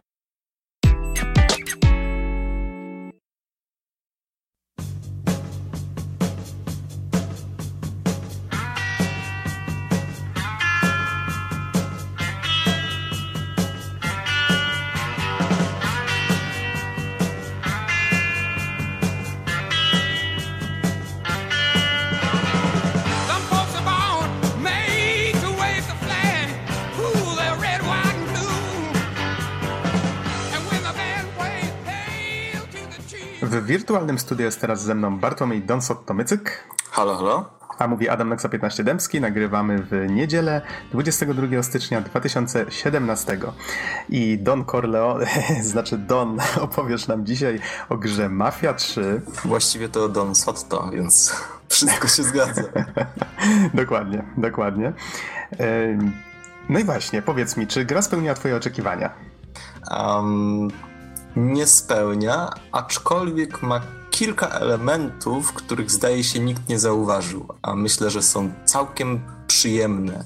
Być może warto się z nimi zapoznać, ale to będzie, to będzie w trakcie recenzji. E, w każdym razie Mafia 3 opublikowana 7 października 2016, no tak z kronikarskiego obowiązku, e, na platformy PC, PS4 i Xbox One, czyli wszystkie jakby najważniejsze. Sorry you. Um, opublikowana została przez 2K Games, a wyprodukowana przez Hangar 13. No i oczywiście jest to action adventure w otwartym świecie, podobnie jak część pierwsza i dwójka. Um, I co jest fajne, to świat, w którym dzieje się akcja trójki, został wykreowany w poprzednich grach serii, tylko po prostu jest to inne miasto, Nowe Bordeaux. E, no i tradycyjnie już w tej serii następuje kontynuacja niektórych wątków z poprzedniej części. Natomiast co do samego settingu, to faktycznie jesteśmy w Nowym Mieście, konkretnie w Nowym Bordeaux e, w 1968 roku, oczywiście w Stanach Zjednoczonych. Samo miasto jest wzorowane na Nowym Orleanie i jak już dowiadujemy się na samym początku od słów, e, ze słów narratora, jest to nowoczesne miasto z tradycjami południa, czyli konserwatywne. Przez lata niestety nękane różnego rodzaju nieszczęściami, jak choćby wojną secesyjną, czy jak to mówi jedna z postaci, Bóg wie iloma huraganami. E, no i już na samym początku mamy to przeciwstawienie. Z jednej strony teksty reklam i ogłoszeń e, odnośnie wspaniałego, pięknego miasta, czyli jakieś tam informacje o różnych festiwalach, luksusowych hotelach, e, konkludowane jednym zdaniem, wpadnij tu na wakacje. Ale z drugiej strony mamy informacje, właściwie te same strzępki informacji o dosyć brutalnych porachunkach gangów. Więc jakby mamy tutaj te dwa oblicza. Co się kryje w ciemnych uliczkach, to, to poznamy dopiero. Natomiast... No właśnie, mhm. a jeżeli mogę e, zapytać, seria ma pewne swoje tradycje, tak? I w przedstawianiu fabuły, i, i, i, w tym klimacie. Czy nadal widzimy tutaj panów w fedorkach, w płaszczach, czy jednak ta zmiana i czasu, w którym dzieje się akcja, i, i miejsca jakby na świecie, tak? Czy to wpłynęło mocno na, na ten wizerunek mafii? Znaczy, to zmiany w czasie są dosyć oczywiste. Mamy lata 60., więc, więc pewne rzeczy są niemodne. Chociaż no, jeszcze wtedy noszono płaszcze, prochowce, trzyczęściowe garnitury koniecznie i kapelusze, chociaż bohaterowie, um, no mafiozi tutaj raczej, raczej nie noszą tego typu strojów. Um, raczej po prostu rzecz kończy się na jednej fedorze i jakiejś, jakiejś kurtce skórzanej. Um, no ale to też trzeba wziąć pod uwagę, że to jest południe, tam jest gorąco, w mieście rosną, rosną palmy, więc, więc trudno się dziwić. Chociaż, chociaż Vito Scaletta, tak, jest postać w tej grze. Um, w pewnych jakby no, uroczystych lub poważnych sytuacjach potrafi się ubrać w płaszcz i w trzyczęściowy garnitur z kapeluszem oczywiście, więc, no, więc tak jest. E, natomiast tutaj jednak ten ślad czasów jest widoczny ślad czasów jest widoczny i, i no, na przykład Lincoln Clay chodzi cały czas w wojskowej kurtce. Więc tak to wygląda. E, natomiast no, jednak czuć tutaj, że jest to inna epoka. Mhm. Okej, okay. wspomniałem tu o tradycjach w fabule i czy trójka też kontynuuje y, pewne takie właśnie pewne takie tradycje z poprzednich części, bo na przykład i w jedynce, i w dwójce mieliśmy przypadek takich bardziej wspominek, tak? Ktoś opowiadał komuś o tym, co się wydarzyło. Czy coś podobnego jest tutaj, czy podeszli do tego inaczej? No, mogę powiedzieć, że właściwie te tradycje nieco rozszerzyli, dlatego że w przeciągu całej, no w cudzysłowie, kampanii e, oglądamy urywki filmu dokumentalnego, który w cudzysłowie został nakręcony kilkadziesiąt lat e, po samych właściwych wydarzeniach z gry. I wydaje się, że to są gdzieś lata 2000. I w ramach tego filmu dokumentalnego mamy wypowiedzi różnych postaci, które mówią o tym, co było w przeszłości. Jedną z takich głównych postaci jest Jonathan Maguire, to jest Assist Director of Criminal Enterprise Bunch, znaczy mówiąc krótko, ważna szycha policyjna. I ten gość opowiada o działaniach Lincolna, czyli głównego bohatera gry, od strony śledczych, od strony policji, od strony oficjalnej. E, nie ukrywając też, że Kleja, e, czyli głównego bohatera, mm, chciał dorwać od wielu lat. E, z drugiej zaś strony mamy inną postać, e, ojca Jamesa Ballarda, czarnoskórego pastora, który był przy Lincolnie, z bólem przebiega, mm, opowiada, czy też wspomina przebieg wydarzeń i bardzo emocjonalnie o, o naszym bohaterze opowiada. I tutaj te urywki filmu dokumentalnego one przeplatają się z rozgrywką. Czyli na przykład Lincoln Clay zawrze sojusz z Vito, po czym w tym urywku kolejnym, który następuje, szef policji, tam Maguire, streszcza, co śledczy mają na Vito, kim był Vito i w sumie mówi nam o pewnych najważniejszych wydarzeniach z fabuły dwójki. Więc tutaj ta tradycja fajnie została, fajnie została podkreślona. Drugim takim elementem jest przesłuchanie e, przed komisją senatorów. E, jedna z postaci to akurat John Donovan. E, to jest taki oficer wojskowy, który, który służył w Wietnamie z Lincolnem Clayem. Z kolei jest przesłuchiwany i już na samym początku dowiadujemy się, że, że pewna osoba została zabita. Konkretnie no, jakby główny przeciwnik naszej w całej grze. No i John Donovan opowiada, jak to się wszystko stało. Też to właśnie jest przyplatane z rozgrywką. E, więc tutaj, no akurat kolejny punkt w moich notatkach to są autospoilery z cudzysłowiem. No i właśnie na samym początku dowiadujemy się o tym, że, że jakby nasz główny przeciwnik zostaje zabity, więc um, o ile sam zabieg jest całkiem w porządku, o, o tyle trzeba jeszcze wiedzieć, co z nim zrobić. Tutaj tak trochę, mm, trochę średnio to wyszło. E, w każdym razie, sam prolog gry, bo zaczniemy jakby od, od, od początku, jest dosyć liniowy, e, chociaż wydarzenia są przedstawione w niechronologicznej kolejności i dosyć pokawałkowane. Przechodzimy tak jakby od sceny do sceny. Nasz główny bohater, tak jak powiedziałem już nieco wcześniej, to Lincoln Clay. E, to czarnoskóra sierota, mówiąc e, krótko, bez rodziców. W sumie um, nie do końca wiadomo, jak wyglądało jego dzieciństwo. Był, został porzucony. Um, on znalazł swoje miejsce w gangu czarnoskórych, e, którego szefem był Sami, w barze u Samiego, więc to jakby pewne tradycje serii dalej są kontynuowane i zarówno z pierwszej, jak i z drugiej części gry. No i spotykamy Lincolna mm, na początku gry, kiedy wraca ze służby w Wietnamie do Nowego Bordeaux. I tam z kolei właśnie poznajemy też Samiego, e, gang Samiego i oczywiście problemy, jakie ten gang ma. Czyli tutaj ma, mamy takie lekkie podobieństwo do Vito, który w sumie też po wojnie wrócił do, starał się wrócić do normalnego życia, tak? I sytuacja zmusiła go do tego, żeby znowu chwycić za spluwę, tylko tym razem w trochę innych warunkach. E, znaczy, nie no, to jest zupełnie inna bajka z Vito, bo on, on, zawsze bardzo chciał mieć szybkie samochody, dużo pieniędzy i kobiety, a przy tym się nie napracować jak jego, jak jego tata. W związku z tym, e, w związku z tym ze swoim przyjacielem próbowali różnych sztuczek, żeby um, zarobić dużo pieniędzy za pracę o zwiększonym ryzyku, więc to jest troszeczkę inna sytuacja. Clay wracając e, z, mm, z Wietnamu chce jednak e, odwiedzić samego i po czym pojechać dalej.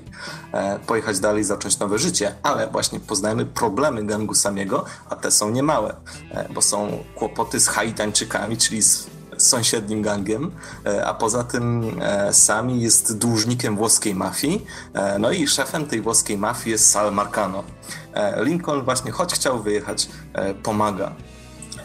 I jakby główną osią prologu jest przeprowadzenie śmiałego skoku na skarbiec z federalnymi rezerwami pieniędzmi, pieniędzy. No i to właściwie rzecz, rzecz opisuje przygotowania, jak i sam skok. E, przy czym tutaj warto wspomnieć, że tutaj fantastycznie są wyreżyserowane scenki, e, przedstawiają bardzo wiarygodne sytuacje, na przykład e, Lincoln, kiedy przyjeżdża do tego baru samego, jest wielkie przyjęcie, wiele postaci poznają bardzo barwnych, widzimy jak tam wita się z ludźmi i tak dalej, naprawdę fantastycznie to wygląda, ale z drugiej strony potem oglądamy też scenki o załatwianiu sprzętu do samego skoku. I tu naprawdę rzecz wygląda jak film, no i wielkie, wielkie brawa dla, dla pisarzy, jak i dla grafików, żeby te mimiki mimikę twarzy fantastycznie oddać. Natomiast sam nie będę może w szczegółach opowiadać, co się da, dalej w tym prologu dzieje, ale sam punkt kulminacyjny następuje już po skoku. Następuje pewne wydarzenie, którego nie będę do końca zdradzać, ale ono ustawia całą oś fabularną i zresztą dramatyczną e, również gry.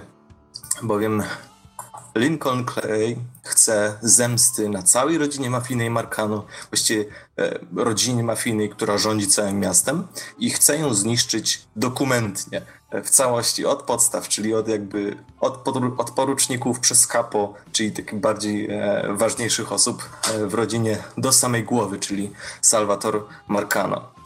No i cel tutaj jest wypowiedziany troszeczkę naiwnie żeby Markano wiedział, co to znaczy stracić wszystko. Oczywiście po czym go zabić. E, te słowa jakby zapoczątkowują nam to, co co Lincoln Clay chce, e, chce zrobić. No i mogę powiedzieć jeszcze tyle, że następuje taka fajna, niefajna, znaczy na pewno jakaś pomysłowa scena, w której pokazana jest przemiana bohatera. On ma teraz jakiś cel, przemienia się i zaczyna golić się swoim nożem wojskowym, e, wspominając pewne rzeczy. I od tej pory ma jeden cel, czyli zabić właściwie, zniszczyć całkowicie rodzinę Markana. Ale Lincoln Clay nie da rady w pojedynkę. W związku z tym musi zyskać jakichś sojuszników. E, pierwszym z nich, o którym wspomniałem zresztą wcześniej, jest John Donovan, oficer wojskowy z wstykami w CIA. On właśnie jest przesłuchiwany i fragmenty tego przesłuchania e, w komisji senatorów też w czasie gry trochę słuchamy. On zdobywa dla Kleja informacje, prowadzi podsłuchy i dosłownie robi za jednoosobowy wywiad, a przy okazji jest takim, um, jest takim zabawnym towarzyszem dla naszego bohatera. E, no i oczywiście z całym tym sprzętem e, w pokoju hotelowym e, przesiaduje, jakby to nikogo nie dziwi, nie jest podejrzany i cały czas siedzi i podsłuchuje. Natomiast ten jeden sojusznik nie wystarcza. Żeby zniszczyć Markano, potrzeba jeszcze więcej osób, e, no i więcej pieniędzy. Więc Clay pomaga gangsterom, którzy są zagrożeni przez Sala Markano. I tutaj są trzy osobistości. Pierwsza z nich to Cassandra, która prowadzi gang Haitańczyków, ten sam gang, z którym e, miał problemy sami. I tutaj jakby Haitańczycy specjalizują się w narkotykach. E, z kolei druga postać to Thomas Berg, taki pan z wąsami w średnim wieku, E, który prowadzi gang Irlandczyków, e, specjalizuje się samochodami i jest pijakiem. E, no i ostatnia osobistość to Vito Scaletta, włoski mafiozo, którego dobrze znają. Mam nadzieję, jeśli ktoś nie zna, to radzę dwójkę sobie odświeżyć. A dlaczego jest zagrożony przez Markano? Rzecz jest bardzo dokładnie wyjaśniona w grze i właściwie nie, nie będę jej tutaj rozwijać. Myślę, że warto to jakby odkryć samodzielnie. I mając tych wszystkich współpracowników, Clay E, rozpoczyna działalność takiej swoistej rodziny mafijnej, która ma za zadanie zniszczyć, e, zniszczyć z kolei rodzinę Marcano. Mhm. A mam takie pytanko, bo jako osoba, która przeszła jedynkę, przeszła dwójkę, zastanawiam się, czy warto dla mnie sięgać po trójkę, jeżeli jestem zainteresowany na przykład dalszymi losami Vito? Um, myślę, że tak. Myślę, że tak. Um, chociaż też nie do końca, tak? To zależy jeszcze w jakim stopniu, bo, bo część trzecia ma oczywiste wady wynikające z rozgrywki, o czym powiem za chwilę, ale z kolei, ale z kolei ja osobiście bardzo się cieszyłem, kiedy, kiedy Vito coś mówił, kiedy były jakieś scenki z nim związane, albo z jego przeszłością, albo e, z przeszłością jego przyjaciela. Joe Barbaro, więc dla mnie to było coś bardzo wartościowego i z przyjemnością słuchałem tych rzeczy, zwłaszcza, że ten sam aktor głosowy podkładał głos pod Vito. W związku z tym to wszystko bardzo fajnie zagrało, a te dalsze losy, ten scenariusz został naprawdę bardzo sprawnie napisany. Co prawda jest to tylko jakby taki strzępek rzeczy, które, e, w które w grze są, i nie ma tego jakoś specjalnie dużo, e, ale myślę, że, że to, co zostało tutaj zaprezentowane, stoi na, na naprawdę bardzo fajnym poziomie. Okej, mm, okej. Okay. Okay. Ale niemniej, zanim zaczniemy polować na Sala Marcano, e, opowiem troszeczkę o tym, jak, jak, wygląda, mm, jak wygląda jakby rozgrywka na niskim poziomie. Przede wszystkim mamy dużo strzelania i dużo jeżdżenia. Um, dzielnicach opanowanych przez Markano, tak miasto dzieje się na, na takie różne dzielnice, e, często znajdujemy różnego rodzaju grupki przeciwników albo budynki pełne gangsterów, budynki, które potem musimy zdobywać. No i trzeba jakoś z nimi walczyć. Broni mamy właściwie standardowy zestaw. Zarówno krótką, czyli różnego rodzaju pistolety, rewolwery, chociaż zarówno pistolety, jak i rewolwery już nowsze, to już są lata 60., to już nie ma żartów. E, chociaż, e, chociaż na przykład jeśli chodzi, jeśli chodzi o broń długą, mamy dalej pistolet maszynowy Thompson, charakterystyczny, ale jest to jedna z gorszych broni jednak i, i jakby długo z nią nie pochodzimy, bo są jakby nowsze karabiny już. E, poza tym też mołotowy, granaty, tego typu, tego typu uzbrojenie. Natomiast zabijać możemy zarówno na głośno, E, lub skradając się. No i o ile strzelanie na głośno naprawdę działa fajnie, e, przeciwnicy, e, no, strzelamy do nich, czuć ten ciężar tych strzałów, bohater jak porusza się z tym bronią, z pistoletem, staje, zatrzymuje się, gdzieś tam potem podbiega, te animacje są naprawdę bardzo ładne, bardzo fajnie skonstruowane, samo strzelanie, animacje strzelania też są fajne, dają satysfakcję, czuć, czuć naprawdę tę siłę i moc. Natomiast, co też jest warte wspomnienia, tak jak w drugiej części gry mamy system osłon, więc na przykład e, wciskamy odpowiedni przycisk, bohater przytula się do ściany lub, lub jakiegoś płotu, z tej osłony możemy oczywiście zrezygnować albo się wychylić, ale też albo jakby specjalną akcją przejść do pobliskiej osłony, więc tu działa fajnie. E, system ten naprawdę działa o tyle sprawnie, że w momencie, kiedy nasza osłona na którą jesteśmy, e, na pewnym etapie się zmniejsza, to jakby jest niższa, to idąc wzdłuż niej, bohater schyla się bardziej. Naprawdę to są takie detale, one, one działają fantastycznie. E, z kolei, z kolei jakby rzeczą, która nie działa, to zabijanie przeciwników po cichu. I tutaj, gra, e, tutaj twórcy dali graczom takie mm, uniwersalną broń do zabijania przeciwników po cichu. E, bardzo zabójcza jest to gwizdnięcie. oh. Na dipadzie pada prawy, jakby prawy, prawy kierunek dipada to jest gwizdnięcie. Kiedy przytrzymamy, wtedy bohater gwizdnie i przeciwnik, który, który gdzieś tam my jesteśmy schowani, przeciwnik, który jest w pobliżu, hmm, co to jest? Brzmi podejrzanie, lepiej to sprawdzę, na pewno mnie nie, nie zabije. Oczywiście przeciwnik e, zwabiony naszym gwizdnięciem jest łatwym celem. no i tutaj niestety... I można wtedy powiedzieć, ha, zostałeś gwizdnięty, badumc. E, można też darować sobie mówienie sucharów, e, natomiast natomiast Natomiast y, podstawowy problem, który wynika e, z tego, mm, to fakt, że w jednym miejscu może nam się zgromadzić dosyć e, duża ilość zwłok, e, które są raczej ignorowane przez przeciwników i no, gwizdamy, podchodzi jeden, zabijamy go, gwizdamy po raz kolejny, podchodzi drugi, no i no, tego typu rzeczy. Niestety to, to nie działa. Więc, więc generalnie jakby tutaj przeciwnicy są trochę głupi, jeśli chodzi o tę, tę skradankę. Natomiast, e, natomiast strzelanie wyszło bardzo ładnie. Kolejna rzecz, której dużo bardzo jest w grze, to jeżdżenie i samochody. Niestety e, z samochodami jest bardzo mało interakcji, czyli w sumie możemy do samochodu wejść, wyjść i jeździć. Jak, jak, jeśli pojazd jest nie nasz, to możemy przytrzymując X włamać się do niego, ale nie tak jak w drugiej części, bo przypomnę, w drugiej części Mafii mieliśmy jakby dwa rodzaje e, sposobów e, wejścia do, do auta, które, które gdzieś stoi na parkingu. Pierwsze to jest za pomocą za pomocą wytrychów mogliśmy się, mogliśmy się włamać, robiąc małą minigierkę lub po prostu na szybko wybić szybę i, e, i robiąc hałas, ale, ale za to szybciej dostając się do auta. E, tutaj jakby to było bardzo fajne, bo mieliśmy te dwie opcje do wyboru, natomiast w, części, w części trzeciej mamy po prostu przytrzymanie klawisza X, e, bohater przez chwilę majstruje przy zamku i wchodzimy, nie ma żadnej minigry, więc tutaj jest to pewne, jest to pewien zawód jednak mimo wszystko. Poza tym, co, e, co uderza, to w grze właściwie nie ma żadnego garażu, w którym moglibyśmy auto e, odstawić. Więc no, no, jest to pewien problem, tak? E, poza tym też nie możemy sobie jakby przywłaszczyć dowolnego auta i dodać sobie do listy swoich aut, tylko mamy konkretną, konkretną listę, i jakby tylko z tych aut możemy skorzystać jakby na stałe, że one są nasze. Każde inne po prostu prędzej czy później gdzieś się zagubi.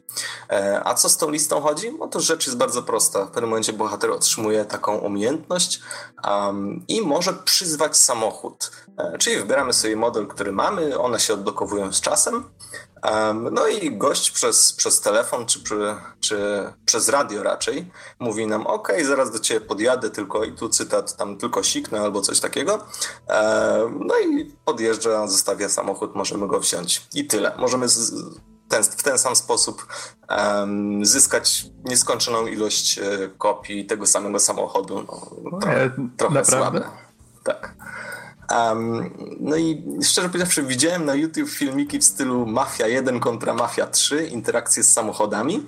I chociaż e, z tego, z tego typu filmików wynikało, że w Mafii 1 jest znacznie więcej możliwości interakcji z samochodami e, niż w trzeciej części, no to tyle trzeba je trochę brać, e, no z jednej strony mają rację, tak, że, że jakby w Mafii trzeciej mało jest tych możliwych sposobów na, na korzystanie z tych aut i, i poruszanie się w ich obrębie, ale z drugiej strony no, więcej nie znaczy lepiej, tak? Zawsze. Więc no, jednak, jednak tu e, tę ubogość można zauważyć. E, poza tym, co zauważyłem, to w gruncie rzeczy jest dosyć słabe zakorzenienie postaci w tym świecie gry. Bohater nie ma w gruncie rzeczy własnego domu, własnego garażu, tak jak powiedziałem, e, auta przywoływane przez umiejętność. Właściwie Lincoln tylko raz śpi w trakcie całej gry, w trakcie prologu, prologu, a tak w ogóle to jest gościem, który jest niezniszczalny i nie musi spać. Dla porównania Vito po każdej misji praktycznie wracał do domu i potem w kolejnej misji się po prostu budził i dzwonił telefon. Taki e, niby więc... szczegół, prawda? A jednak coś dodaje do, do świata no, gry. No, no właśnie jakby um, no brakowało mi tego zakorzenienia, że jakby mam swoje samo, mam swój samochód, mam, mam swoją kryjówkę, do której mogę wrócić um, i, i, to mnie uderzyło, tak? Bo, bo dla wszystkich osób, które chciałyby jakoś odgrywać tę rolę, to było uniemożliwione. W drugiej części gry ja właściwie cały czas korzystałem z jednego samochodu, który miałem, ja go ja potem go brałem i wracałem nim do garażu, tak po misji, o ile było to możliwe. Więc, mm -hmm. więc to był ten element, natomiast w Mafii trzeciej nie do końca, tak? czujesz w sensie... trochę jak, jakby Lincoln nie był bohaterem z krwi i kości, tylko tak, po prostu tak. postacią z gry, tak? Tak, gdyby był po prostu takim, takim, nie wiem, osobą w ogóle wyizolowaną od tego świata, która nie musi się dostosować do zasad, do zasad jego funkcjonowania i tutaj te pewne uproszczenia też to są detale, ale one też się e, też się mocno pokazują. Na przykład no my możemy zdalnie pewne rzeczy wezwać. Osobę od samochodów, tam osobę, która odbierze od nas pieniądze i tak dalej. E, natomiast y, bohater ma w uchu taką słuchaweczkę i my się strawiamy, co to jest? To jest jakieś radio? Kto mu to dał? Być może ktoś mu to dał, tylko już nie pamiętam, ale to nigdy nie jest podkreślone, co to właściwie jest i jak te osoby się z nim komunikują. Albo jakieś takie inne detale, że na przykład um, bohater podkłada ładunek wybuchowy, bo mamy takie zdanie zniszczyć coś, wysadzić, ale ja pamiętam, że nikt nigdy nie dał mu żadnego ładunku, ani sam bohater też nigdy nie zdobył żadnego ładunku, więc tutaj są takie detale, tak? MacGyvera nigdy nie oglądałeś? E, e, tak, wiem, guma balonowa zawsze da radę. E, ale, ale na przykład są też takie momenty, że podsłuchujemy miasto i żeby je podsłuchiwać, musimy y, taki sprzęt FBI zdobywać. No i te znajdźki, bo właściwie ten sprzęt to jest znajdźki, one często leżą w śmieciach, tak? I to są takie, to jest jakby ta, ta, ten straszny konflikt między tymi zasadami gry, a, a jakby światem fabularnym. Um, ostatni element jeszcze, o którym chciałem powiedzieć, to policja. Tutaj niestety jest szalenie uproszczona. Um, Wyobraźcie sobie, że nie ma czegoś takiego jak poziom zainteresowania, e, czyli można wbiec w policjanta kilka razy, jakby podrażnić się z nim, no i wtedy panowie wezwijcie mi wsparcie, trzy samochody policyjne, e, policjant z, z ostrą bronią i po prostu zabijamy tego gościa, bo mnie, bo mnie po prostu szturchnął, tak? E, I niestety tak to działa. A policja atakuje z pełną mocą bez względu na to, co, co żeśmy zrobili. Widocznie bardzo nerwowa dzielnica, no tam trzeba uważać na siebie. No ale właśnie problem polega też na tym, że z drugiej strony um, możemy przekraczać prędkość e, na ulicach, możemy jeździć na czerwonym świetle i policja wtedy nie reaguje. Tak, więc tutaj naprawdę system w Mafii 2, który funkcjonował, on był bardzo prosty, ale miał kilka takich fajnych detali, które sprawiały, że, że to faktycznie świetnie działało. Tam policja potrafiła wlepić mandat i tak dalej, a tutaj po prostu, nie wiem, zrobisz cokolwiek i po prostu e, trzy wozy policyjne z e, policjantami z ostrą amunicją po prostu cię zabiją, e, bo nie, bo, bo, bo kogoś szturchnąłeś. Mm, kolejna rzecz, która jest ciekawa, akurat z policją, jakby trochę na obronę gry, to to, że są e, w całym mieście są interaktywne telefony. My z nich nie korzystamy, ale cywil, e, cywile owszem, czyli powiedzmy zabijemy kogoś, i mam informację, że ktoś to zauważył, że jest świadek i ten ktoś biegnie do telefonu. E, no i w momencie, kiedy zadzwoni, e, wtedy, a wtedy policja przybywa, ale możemy taką osobę zabić. Z kolei potem druga osoba zacznie bieg, biec do telefonu, bo, bo zobaczyła zbrodnię. E, tę osobę też zabijamy na przykład.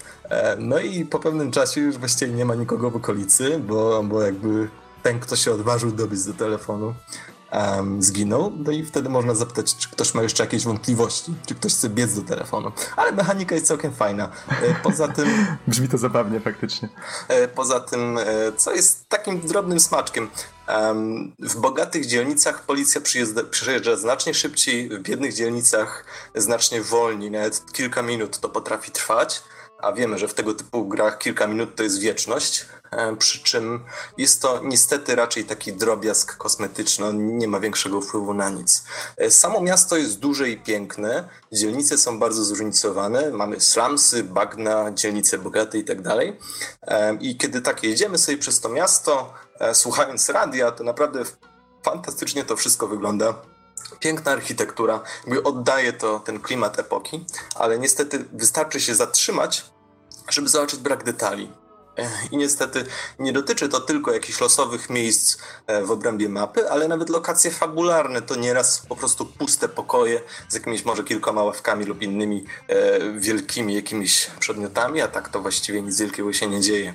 E, lokacje niestety często są bez polotu, tak jakby trochę brakowało właściwej treści, tak jakby to były prototypy. No ale pojeździliśmy sobie trochę po mieście, poopowiadaliśmy o tym, przejdźmy do trzonu gry, do głównego celu. A ten to oczywiście zniszczenie rodziny Markano. No i tak jak powiedziałem, miasto dzieje się na różne dzielnice, e, które oczywiście do tej rodziny należą. My je odbijamy. E, każda dzielnica to są E, dwa biznesy przestępcze i tutaj trzeba oddać twórcom, pomysłów jest sporo.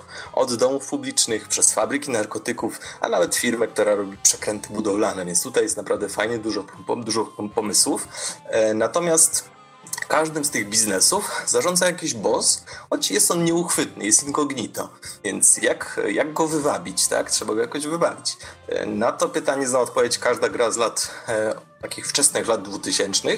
E, wystarczy wejść do tego biznesu, zabić kogoś da, e, pozbierać pieniądze, które, które w losowych miejscach, e, które w losowych miejscach gdzieś leżą w tym budynku i niszczyć jakieś różnego rodzaju dobra, czyli na przykład skrzynię z marihuaną i wtedy zadawszy temu biznesowi odpowiednio wysokie straty liczone w pieniądzach, na przykład nie wiem, tam 14 tysięcy dolarów, wtedy porucznik, który zarządzał tym biznesem ujawni się, by w panice naprawić szkody. Oczywiście wtedy możemy go zabić wtedy jakby ujawnia się nie tylko sam, ale też ze swoją obstawą, że jakby w praktyce to jest trochę głupie, dlatego że powiedzmy, że naszym celem jest dom publiczny, tak? Więc idziemy do tego budynku, zabijamy kogo się da, zbieramy całą kasę fantastycznie, boss się zaraz pojawi i bardzo często się zdarza, że on się pojawia w tym samym głównym budynku, w którym już wcześniej wszystkich wymordowaliśmy. E, więc no nie wiem, jaka to jest logika, tak? Co, co, ten, co ten gość myśli? Co tu może pójść nie tak? tak? Wchodzimy do tego budynku, tego samego, tu wszyscy są wymordowani, prawdopodobnie wynosimy ciała, sprzątamy i, i na pewno ta osoba, ten Lincoln Clay drugi raz tu nie przyjdzie, no bo po co, tak? drugi raz w to samo miejsce piorun nie uderzy. E, więc ten, więc to niestety nie dość, że dwa razy przerabiamy tę samą lokację, tak, to też no, no, no jest to po prostu głupie, tak. E, niestety jakby no, schemat jest identyczny e, z każdą kolejną dzielnicą. chociaż twórcy przedstawiają jakieś nowe aktywności związane ze szkodzeniem biznesom, ale wciąż są to drobiazgi. Na przykład, nie wiem, e, po mieście krążą e, ciężarówki z jakimś tam transportem na przykład narkotyków. E, rozwalamy te, te ciężarówki, tam, nie wiem, siedzą gangsterzy w środku, więc wychodzą. No i tyle. Albo jakieś grupki gangsterów, które są na mieście, albo, nie wiem, grupki gangsterów, którzy mają trochę pieniędzy, zabijamy ich, zgarniamy pieniądze, zadajemy szkody, więc w ten sposób to działa. Niestety, chociaż tutaj jakby tych aktywności jest sporo, one często się wiążą ze strzelaniem, więc, więc jest, to, to działa, tak? To jest fajne, ale, ale jednak mimo wszystko czuć tutaj tę domyślność i powtarzalność. Zasada jest prosta, kiedy dwa biznesy zlikwidowane w danej dzielnicy, wtedy odblokowuje się misja specjalna e, i polega właśnie na zlikwidowaniu porucznika, do którego ta dzielnica należała. No i oczywiście wraz z postępem mamy plany ataku na ważniejsze osoby w rodzinie Markano i właściwie tak, tak wygląda ten szkielet rozgrywki. Niestety w ciągu gry mamy góra, dwie, trzy interesujące misje fabularne i to tyle dwie, trzy, tak bym, tak, tak bym stawiał. Jedna z nich jest na statku wycieczkowym i to jest taki fajne oczko puszczone dla fanów e, jedynki. Jak pamiętamy na jedynce też też była akcja właśnie, um, właśnie z statkiem wycieczkowym. Oj tak, pamiętam, pamiętam. E, a, a w trakcie tej misji z kolei jedynka nawiąza, nawiązywała do pierwszego filmu Ojciec Chrzestny, więc, e, więc fajny łańcuch się stworzył. E, natomiast niestety z tej linii, którą zakreśliłem, linii tych zdobywania kolejnych dzielnic, nie ma odstępstw. Czyli po prostu postępujemy dzielnica po dzielnicy, kolejny porucznik po kolejnym poruczniku i przez to jest całkowity brak napięcia. A poza tym mamy też wrażenie, że wszystko jest takie domyślne, tak? W sensie, no wejdziemy do tego miejsca, zabijemy wszystkich, potem wejdziemy drugi raz, zabijemy porucznika i wszystko, tak? Um, lub, lub, też po, po, drodze zrobimy coś na mieście, ale jakby nie ma tego napięcia, nie ma takiej tej, tej niepewności, że na przykład, nie wiem, w środku akcji przyjedzie ktoś jeszcze, tak? Albo, albo że, że, że nie wiem, że jakieś życie Lincolna jest zagrożone czymś, bo coś zupełnie idzie nie tak. E, niż tak jak powinno lub jak było zaplanowane. Niestety czegoś takiego tutaj nie ma. I e, to jest dosyć śmieszne, dlatego że dialogi i tło fabularne gry jest naprawdę bardzo dobre. Pisarstwo stoi na wysokim poziomie, e, język postaci jest ostry, tak jak zresztą to w dwójce chociażby było. Ich tło fabularne jest fantastyczne, te postaci są nierzadko jak żywe, mają swoje jakieś koszmary, obawy, mają swoje osobowości. Natomiast E, natomiast wygląda na to, że wszystko jest tutaj trochę dopasowane do tego dosyć słabego modelu rozgrywki. Czyli no, i to też tak wzmaga poczucie, że, że jest oderwane od tego świata, że to jest takie, dobra, tu sobie pogadali, tu jest fajnie, tak klimatycznie, ale zaraz wszyscy wiemy, co będziemy robić, czyli to samo cały czas. Um, natomiast, um, natomiast oczywiście na samym zdobywaniu dzielnic się nie kończy. Bo tak jak powiedziałem, mamy też różnych współpracowników, konkretnie te trzy osobistości, które z mafią już miały wcześniej do czynienia. E, I po zdobyciu takiej dzielnicy następuje spotkanie w opuszczonym pałacyku i jakby gospodarzem tego spotkania jest Lincoln, bo on jest jakby tutaj szefem e, i następnie on przydzieli, który z mafiozów e, dostanie dane biznesy i daną dzielnicę. I tu jest właśnie e, bardzo fajny konflikt interesów, dlatego że każdy chce tę dzielnicę dostać, co zresztą dosyć mocno i trochę naiwnie Lincolnowi e, komunikują. I tutaj mamy pewien konflikt, dlatego że każdy z bossów ma jakby pewne umiejętności, które dodaje Lincolnowi, czyli tam na przykład ulepszenie celności, dodanie jakiejś broni, e, dodanie samochodu i tak dalej. Może z tym samochodem nie, ale tego typu rzeczy. Um, I im więcej dzielnic ma ten boss, tym więcej umiejętności danego typu mamy. Natomiast i też jest lojalny wobec nas. Ale z kolei, jeśli jakiś boss czuje się zawiedziony, e, porzucony e, i, i, w ogóle zapomniany, że nic nie dostaje, to, to wtedy traci cierpliwość. Tak więc tutaj jest ten pewien, e, jest ten pewien konflikt. E, niestety powiedziałbym, że on raczej nie działa. Dlatego, że w gruncie rzeczy w tym drzewku umiejętności są różnego rodzaju ulepszenie celności broni, e, jakieś tam zwiększenie prędkości aut i tak dalej, ale szczerze powiedziawszy, ja nie miałem potrzeby, żeby to ulepszać, bo już na etapie, um, już na etapie um, jakby grania bez ulepszeń, czuć było, że bohater jest trochę przegięty.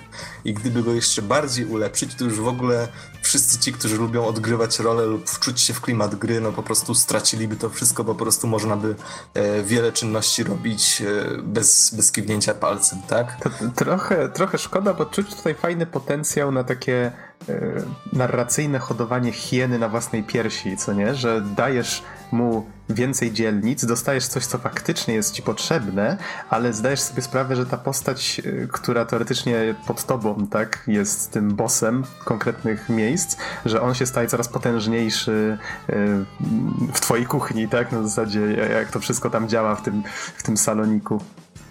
No i właśnie jakby Tak, to byłoby fajne, natomiast to działa odwrotnie, to znaczy boss, który ma najwięcej, jest najbardziej zadowolony, więc, więc jakby nie ma problemu, natomiast ci, którzy mają najmniej, są niezadowoleni. przy czym tu jest też taki trochę efekt komiczny, dlatego że to Lincoln Clay te dzielnice zdobywał samodzielnie i oni nawet palcem nie kiwnęli przy odbijaniu tych dzielnic, a, a po prostu chcą je dostać. E, natomiast jakby na usprawiedliwienie e, rzeczy, które robią, można po przejęciu dzielnicy dzwoni się do osoby, wybiera się do której się dzwoni, żeby zabezpieczyła teren, żeby wezwała swoich ludzi, więc jakby coś robią, tak? A poza tym można wezwać, też jest taka umiejętność, że przyjeżdża e, trzech wkurzonych Włochów z automatami i mogą nam pomagać. Więc, ale, ale to jest tylko tyle, co oni pomagają w gruncie rzeczy, więc jakby całą resztę Lincoln Clay robi sam. W każdym razie tutaj ten jakby, jakby samo pomysł zarządzania byłby fajny, tak? Mamy trzy osoby pod sobą, to są, każda z tych osób to są mordercy, zabójcy, zdrajcy, e, najgorsze osoby pod słońcem, e, a my musimy jakoś z nimi żyć. Przy czym niestety w gruncie rzeczy ja nie czułem tutaj żadnego, e, żadnego napięcia, żadnego, mm, żadnego napięcia czy niepewności związanego z tymi osobami, e, dlatego że jakby mechanika szybko się obnażyła i bardzo łatwo jest znaleźć sposób, żeby, żeby wszystko poszło dobrze. E, więc no niestety jakieś zdrady, knucie, sojusze wewnątrz tej rodziny z bohaterem czy przeciwko niemu, to niestety nie występuje. A szkoda, właśnie, szkoda, taki stracony potencjał, co Tak, nie? stracony potencjał, tym bardziej jakby widoczny dla mnie e, wtedy, kiedy przechodziłem grę, obejrzałem sobie drugą część Ojca Chrzestnego, no i tam widać było pewne, pewne fajne elementy, jak na przykład ktoś z rodziny zdradził. E, trzeba zlokalizować zdrajcę lub grać w jakiś sposób, żeby pozory udawać. No niestety niestety sprawiać pozory, wszystko gra. E, niestety um, ten potencjał nie, nie został wykorzystany. E, jeszcze z innych rzeczy, które możemy robić związanych z busami, to wykonywać dla nich misje. No i tutaj muszę uprzedzić, że o ile jakby w każdej grze są pewnego rodzaju zapychacze, tak? Misja, która nie jest jakoś wartościowa, która, e, która po prostu troszeczkę wydłuża nam czas gry. Tutaj to chyba po prostu jest definicja zapychacza. E, I przykładowo Thomas Burke, czyli irlandzki specjalista od samochodów, on ma warsztat, e, misje dla niego polegają, każda kolejna misja to jest ukradnięcie trzech samochodów danego typu. I one polegają na tym, że jedziemy te średnio 2-3 km do danego auta, kradniemy je, po czym, e, po czym wracamy, e, żeby to auto oddać. No i postępujemy tak samo z dwoma kolejnymi autami. No, Okej, okay, misja zaliczona. Kolejna misja, trzy kolejne auta. I to samo. Więc to jest po prostu okropne.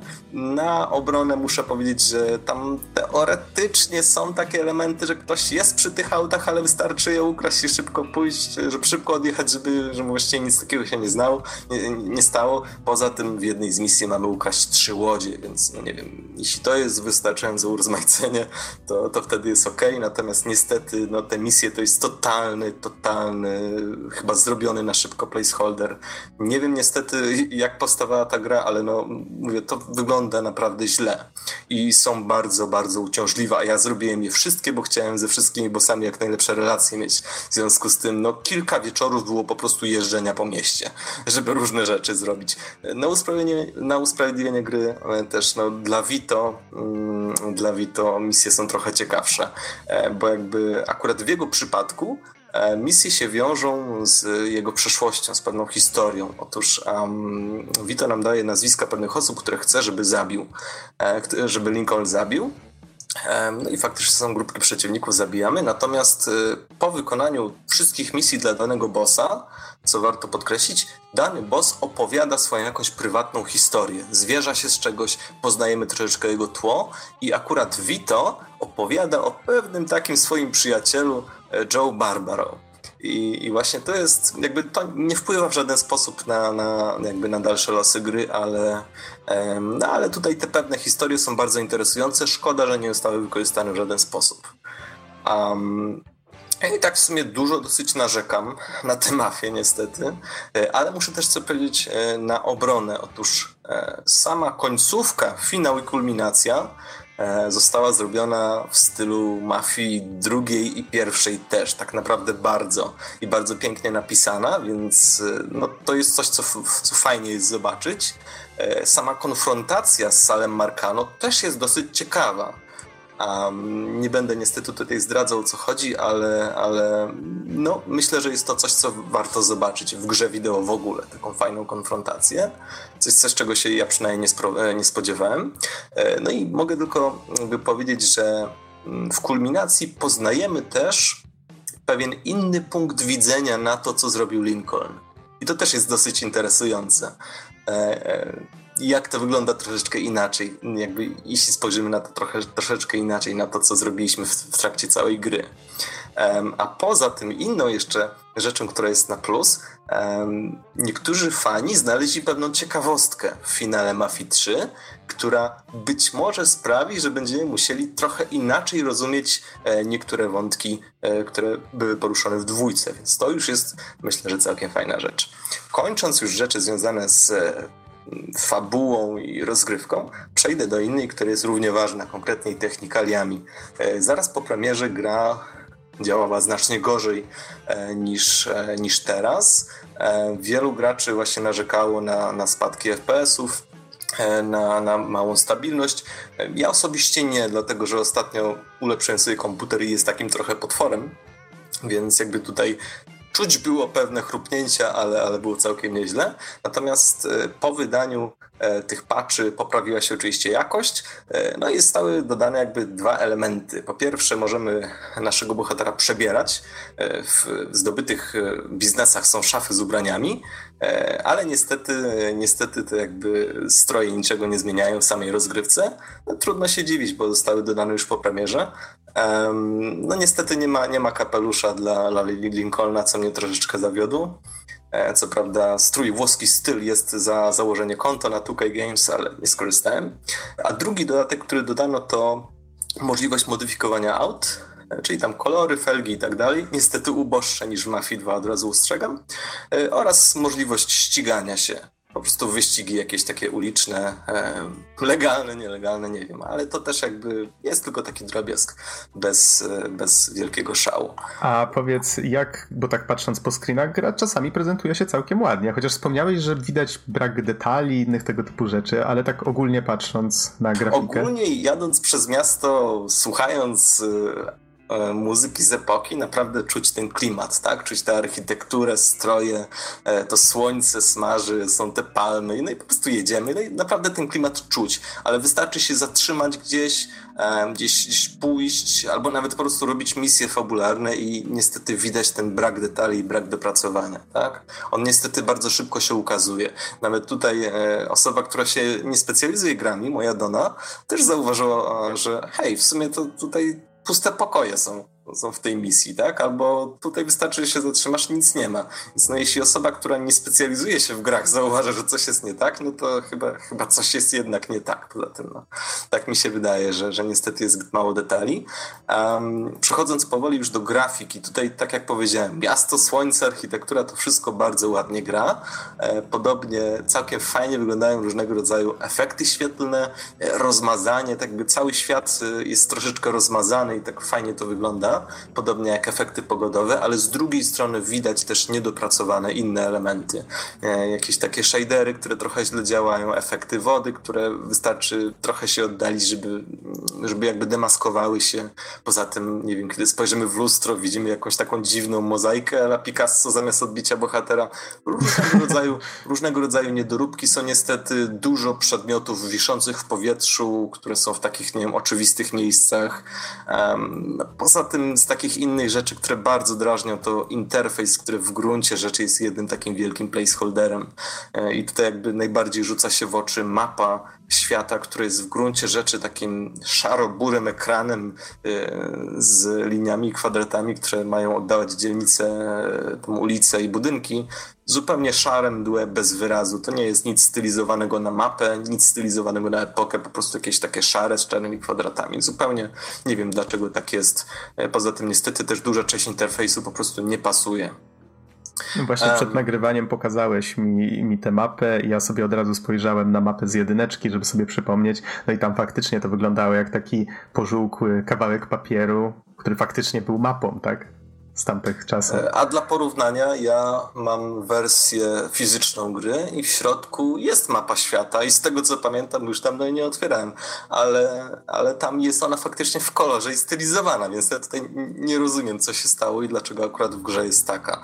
E, w każdym razie grafika no, to nie wszystko, mamy też muzykę. Udźwiękowienie jest jakby no, typowe, jest, jest ok, tak? Jest wysokiej jakości i pasuje do tego co się dzieje. Ja myślę, że tutaj głównym, e, głównym elementem będzie raczej e, muzyka. I tutaj warto podkreślić, że mamy ogrom licencjonowanych utworów z epoki. Mamy i Rolling Stones, i Elvisa Presleya, jeszcze kawałek.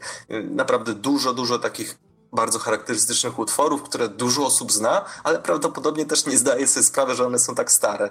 E, I tu, żeby wymienić parę tytułów, Hold On I'm Coming, Painted Black, e, akurat Rolling Stonesów, czy House of the Rising Sun te utwory, zresztą te, które wymieniłem i jeszcze wiele więcej, malują epokę wyśmienici, kiedy tak sobie mhm. jedziemy, słuchamy tego radia. Ponadto mamy trzy stacje radiowe e, i jakby długość, długość e, jakby traków tej, tych stacji, e, każda z tych stacji jakby trwa 2-3 godziny więc, e, więc jest tego dużo materiału, dużo fajnego materiału. E, jest też, um, są też jakieś audycje w ramach, w ramach tych stacji, jakieś e, poruszające problemy rasowe, o czarnoskórych, o białych. Tutaj naprawdę jest dużo fajnych rzeczy tak? E, niestety paradoksalnie w samej jakby grze, w trakcie akcji ta muzyka jest bardzo niedopasowana, ona nie buduje nastroju, nie buduje napięcia. No wyobraźcie sobie, że przedzieramy się w jakimś biznesie przez tłumy przeciwników i przygrywa nam nie jakaś taka mroczna, ponura muzyka budująca dramat, ale coś w rodzaju amerykańskiego country. E, więc ja generalnie jestem za tym, żeby gry czasem próbowały um, różnych zabiegów, czegoś nietypowego, nowego, ale no, to po prostu niszczyło dokumentnie i tak już zniszczone napięcie, o czym mówiłem wcześniej. Przejdę teraz do podsumowania, chyba że e, masz jeszcze jakieś pytania. Ogólnie z tego co mówisz, rysuje mi się obraz takiej gry, w którą chciałbym zagrać dla fabuły jako fan serii, ale w którą ktoś niepotrzebnie wcisnął ten gameplay, którego wiele osób, myślę, że zupełnie niepotrzebnie od mafii do tej pory wymagało. Czyli wszyscy mówili, e, ta gra jest liniowa, po co mi to całe miasto dookoła, skoro i tak nie mam co w nim robić. Mnie się to akurat podobało, było bardzo fajnie, klimatycznie i nagle ktoś postanowił wrzucić w to właśnie ten gameplay, to odbijanie dzielnic i tak dalej, zrobić z tego taką mm, żmudną żmudną papkę, że nic innego mi sobie nie przychodzi do głowy, którą musisz powielać, powielać, żeby w końcu dojść do tego, co cię interesuje, czyli do fabuły. Czy to jest dobre? Dobre mi, się, dobry mi się obraz zbudował w głowie, czy, czy Myślę, nie? że tak. Dokładnie to mam w notatkach. Podejrzewam, że trochę się nimi e, wspierałeś mówiąc to. E, szczerze mówiąc, razie, nie, nie, nie czytałem, więc... W każdym razie um, generalnie jakby mówiąc o dwójce i jedynce, no może zwłaszcza o dwójce, chociaż to się do obu poprzednich części odnosi, to były historie fabularne, liniowe, którym po prostu wygodniej było rozsiąść się w otwartym świecie. I tego otwartego świata tam faktycznie były jakieś aktywności, ale to nigdy nie było, nie było głównym naciskiem. Mnie osobiście w drugiej części gry uderzało to, że nigdy nie mieliśmy czasu, żeby pobawić się tym, co mamy. Mieliśmy jakiś dom, mieliśmy garaż, samochód, a nigdy nie było takiej, takiego, nie wiem, możliwości, ok, a teraz sobie porób co chcesz, a potem sobie przejdziemy do misji. Nie było czegoś takiego. Um, I tutaj właśnie mamy to. E, natomiast e, no, paradoks polega na tym, że to stwarza, że gra jest bardzo powtarzalna, której praktycznie brakuje napięcia i sam mam wrażenie, że ta gra ma swój początek jakiś fabularny, bardzo ładny, znaczy no, jest, jest tak fajnie napisany, tak? Ma swój koniec, który już też całkiem niezły, ale nie ma środka. Ta, takie mam wrażenie, że właściwie ten środek gry on nie istnieje, on jest dopiero do zrobienia. E, więc generalnie osobom, które nie znają serii, gry bym nie polecił, bo po prostu raczej nie znajdą tam czegoś, z czym mogą się utożsamić, bo nie grali w poprzedniej części. E, no a z drugiej strony ten, ta rozgrywka może po prostu dobić nawet najbardziej cierpliwych. E, z drugiej ze strony myślę, że, że fani Mm, fajnie by, myślę, że fani by się ucieszyli na dopięcie niektórych wątków, wątków z drugiej części gry, jakby zobaczenie, jak ten świat zareagował, co się stało dalej. Tych rzeczy niestety nie ma jakoś dużo, ale są naprawdę fajnie napisane i fajnie to wszystko kontynuują. A poza tym, to co się może spodobać, to po prostu klimat epoki, który jednak no da, da się czuć to. Jest naprawdę fajnie zrobiony. E, no i tak, czy to dobrze, czy źle dla tej gry, ale po ukończeniu Mafii 3 ja naprawdę mam ochotę zagrać w jakąś taką porządną grę z akcją, oczywiście w grę o mafii, e, z akcją w latach 60. Czy to jest dobrze, czy to jest źle dla tej gry? No nie wiem, to już musicie sami zdecydować, ale tak jak mówię, nie jest to gra, w której e, jest dużo złego, dużo takich jakichś elementów, które nie pasują, e, ale jest też pewne rzeczy, które myślę, myślę że warto zobaczyć.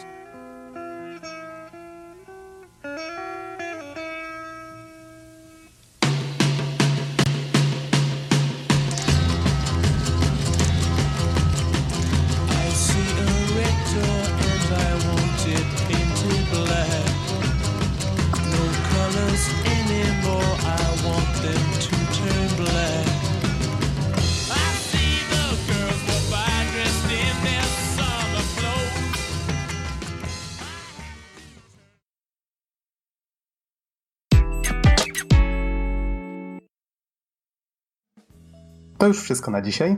Dziękujemy Wam bardzo za uwagę i do usłyszenia w następnym odcinku. Trzymajcie się. Cześć. Do usłyszenia.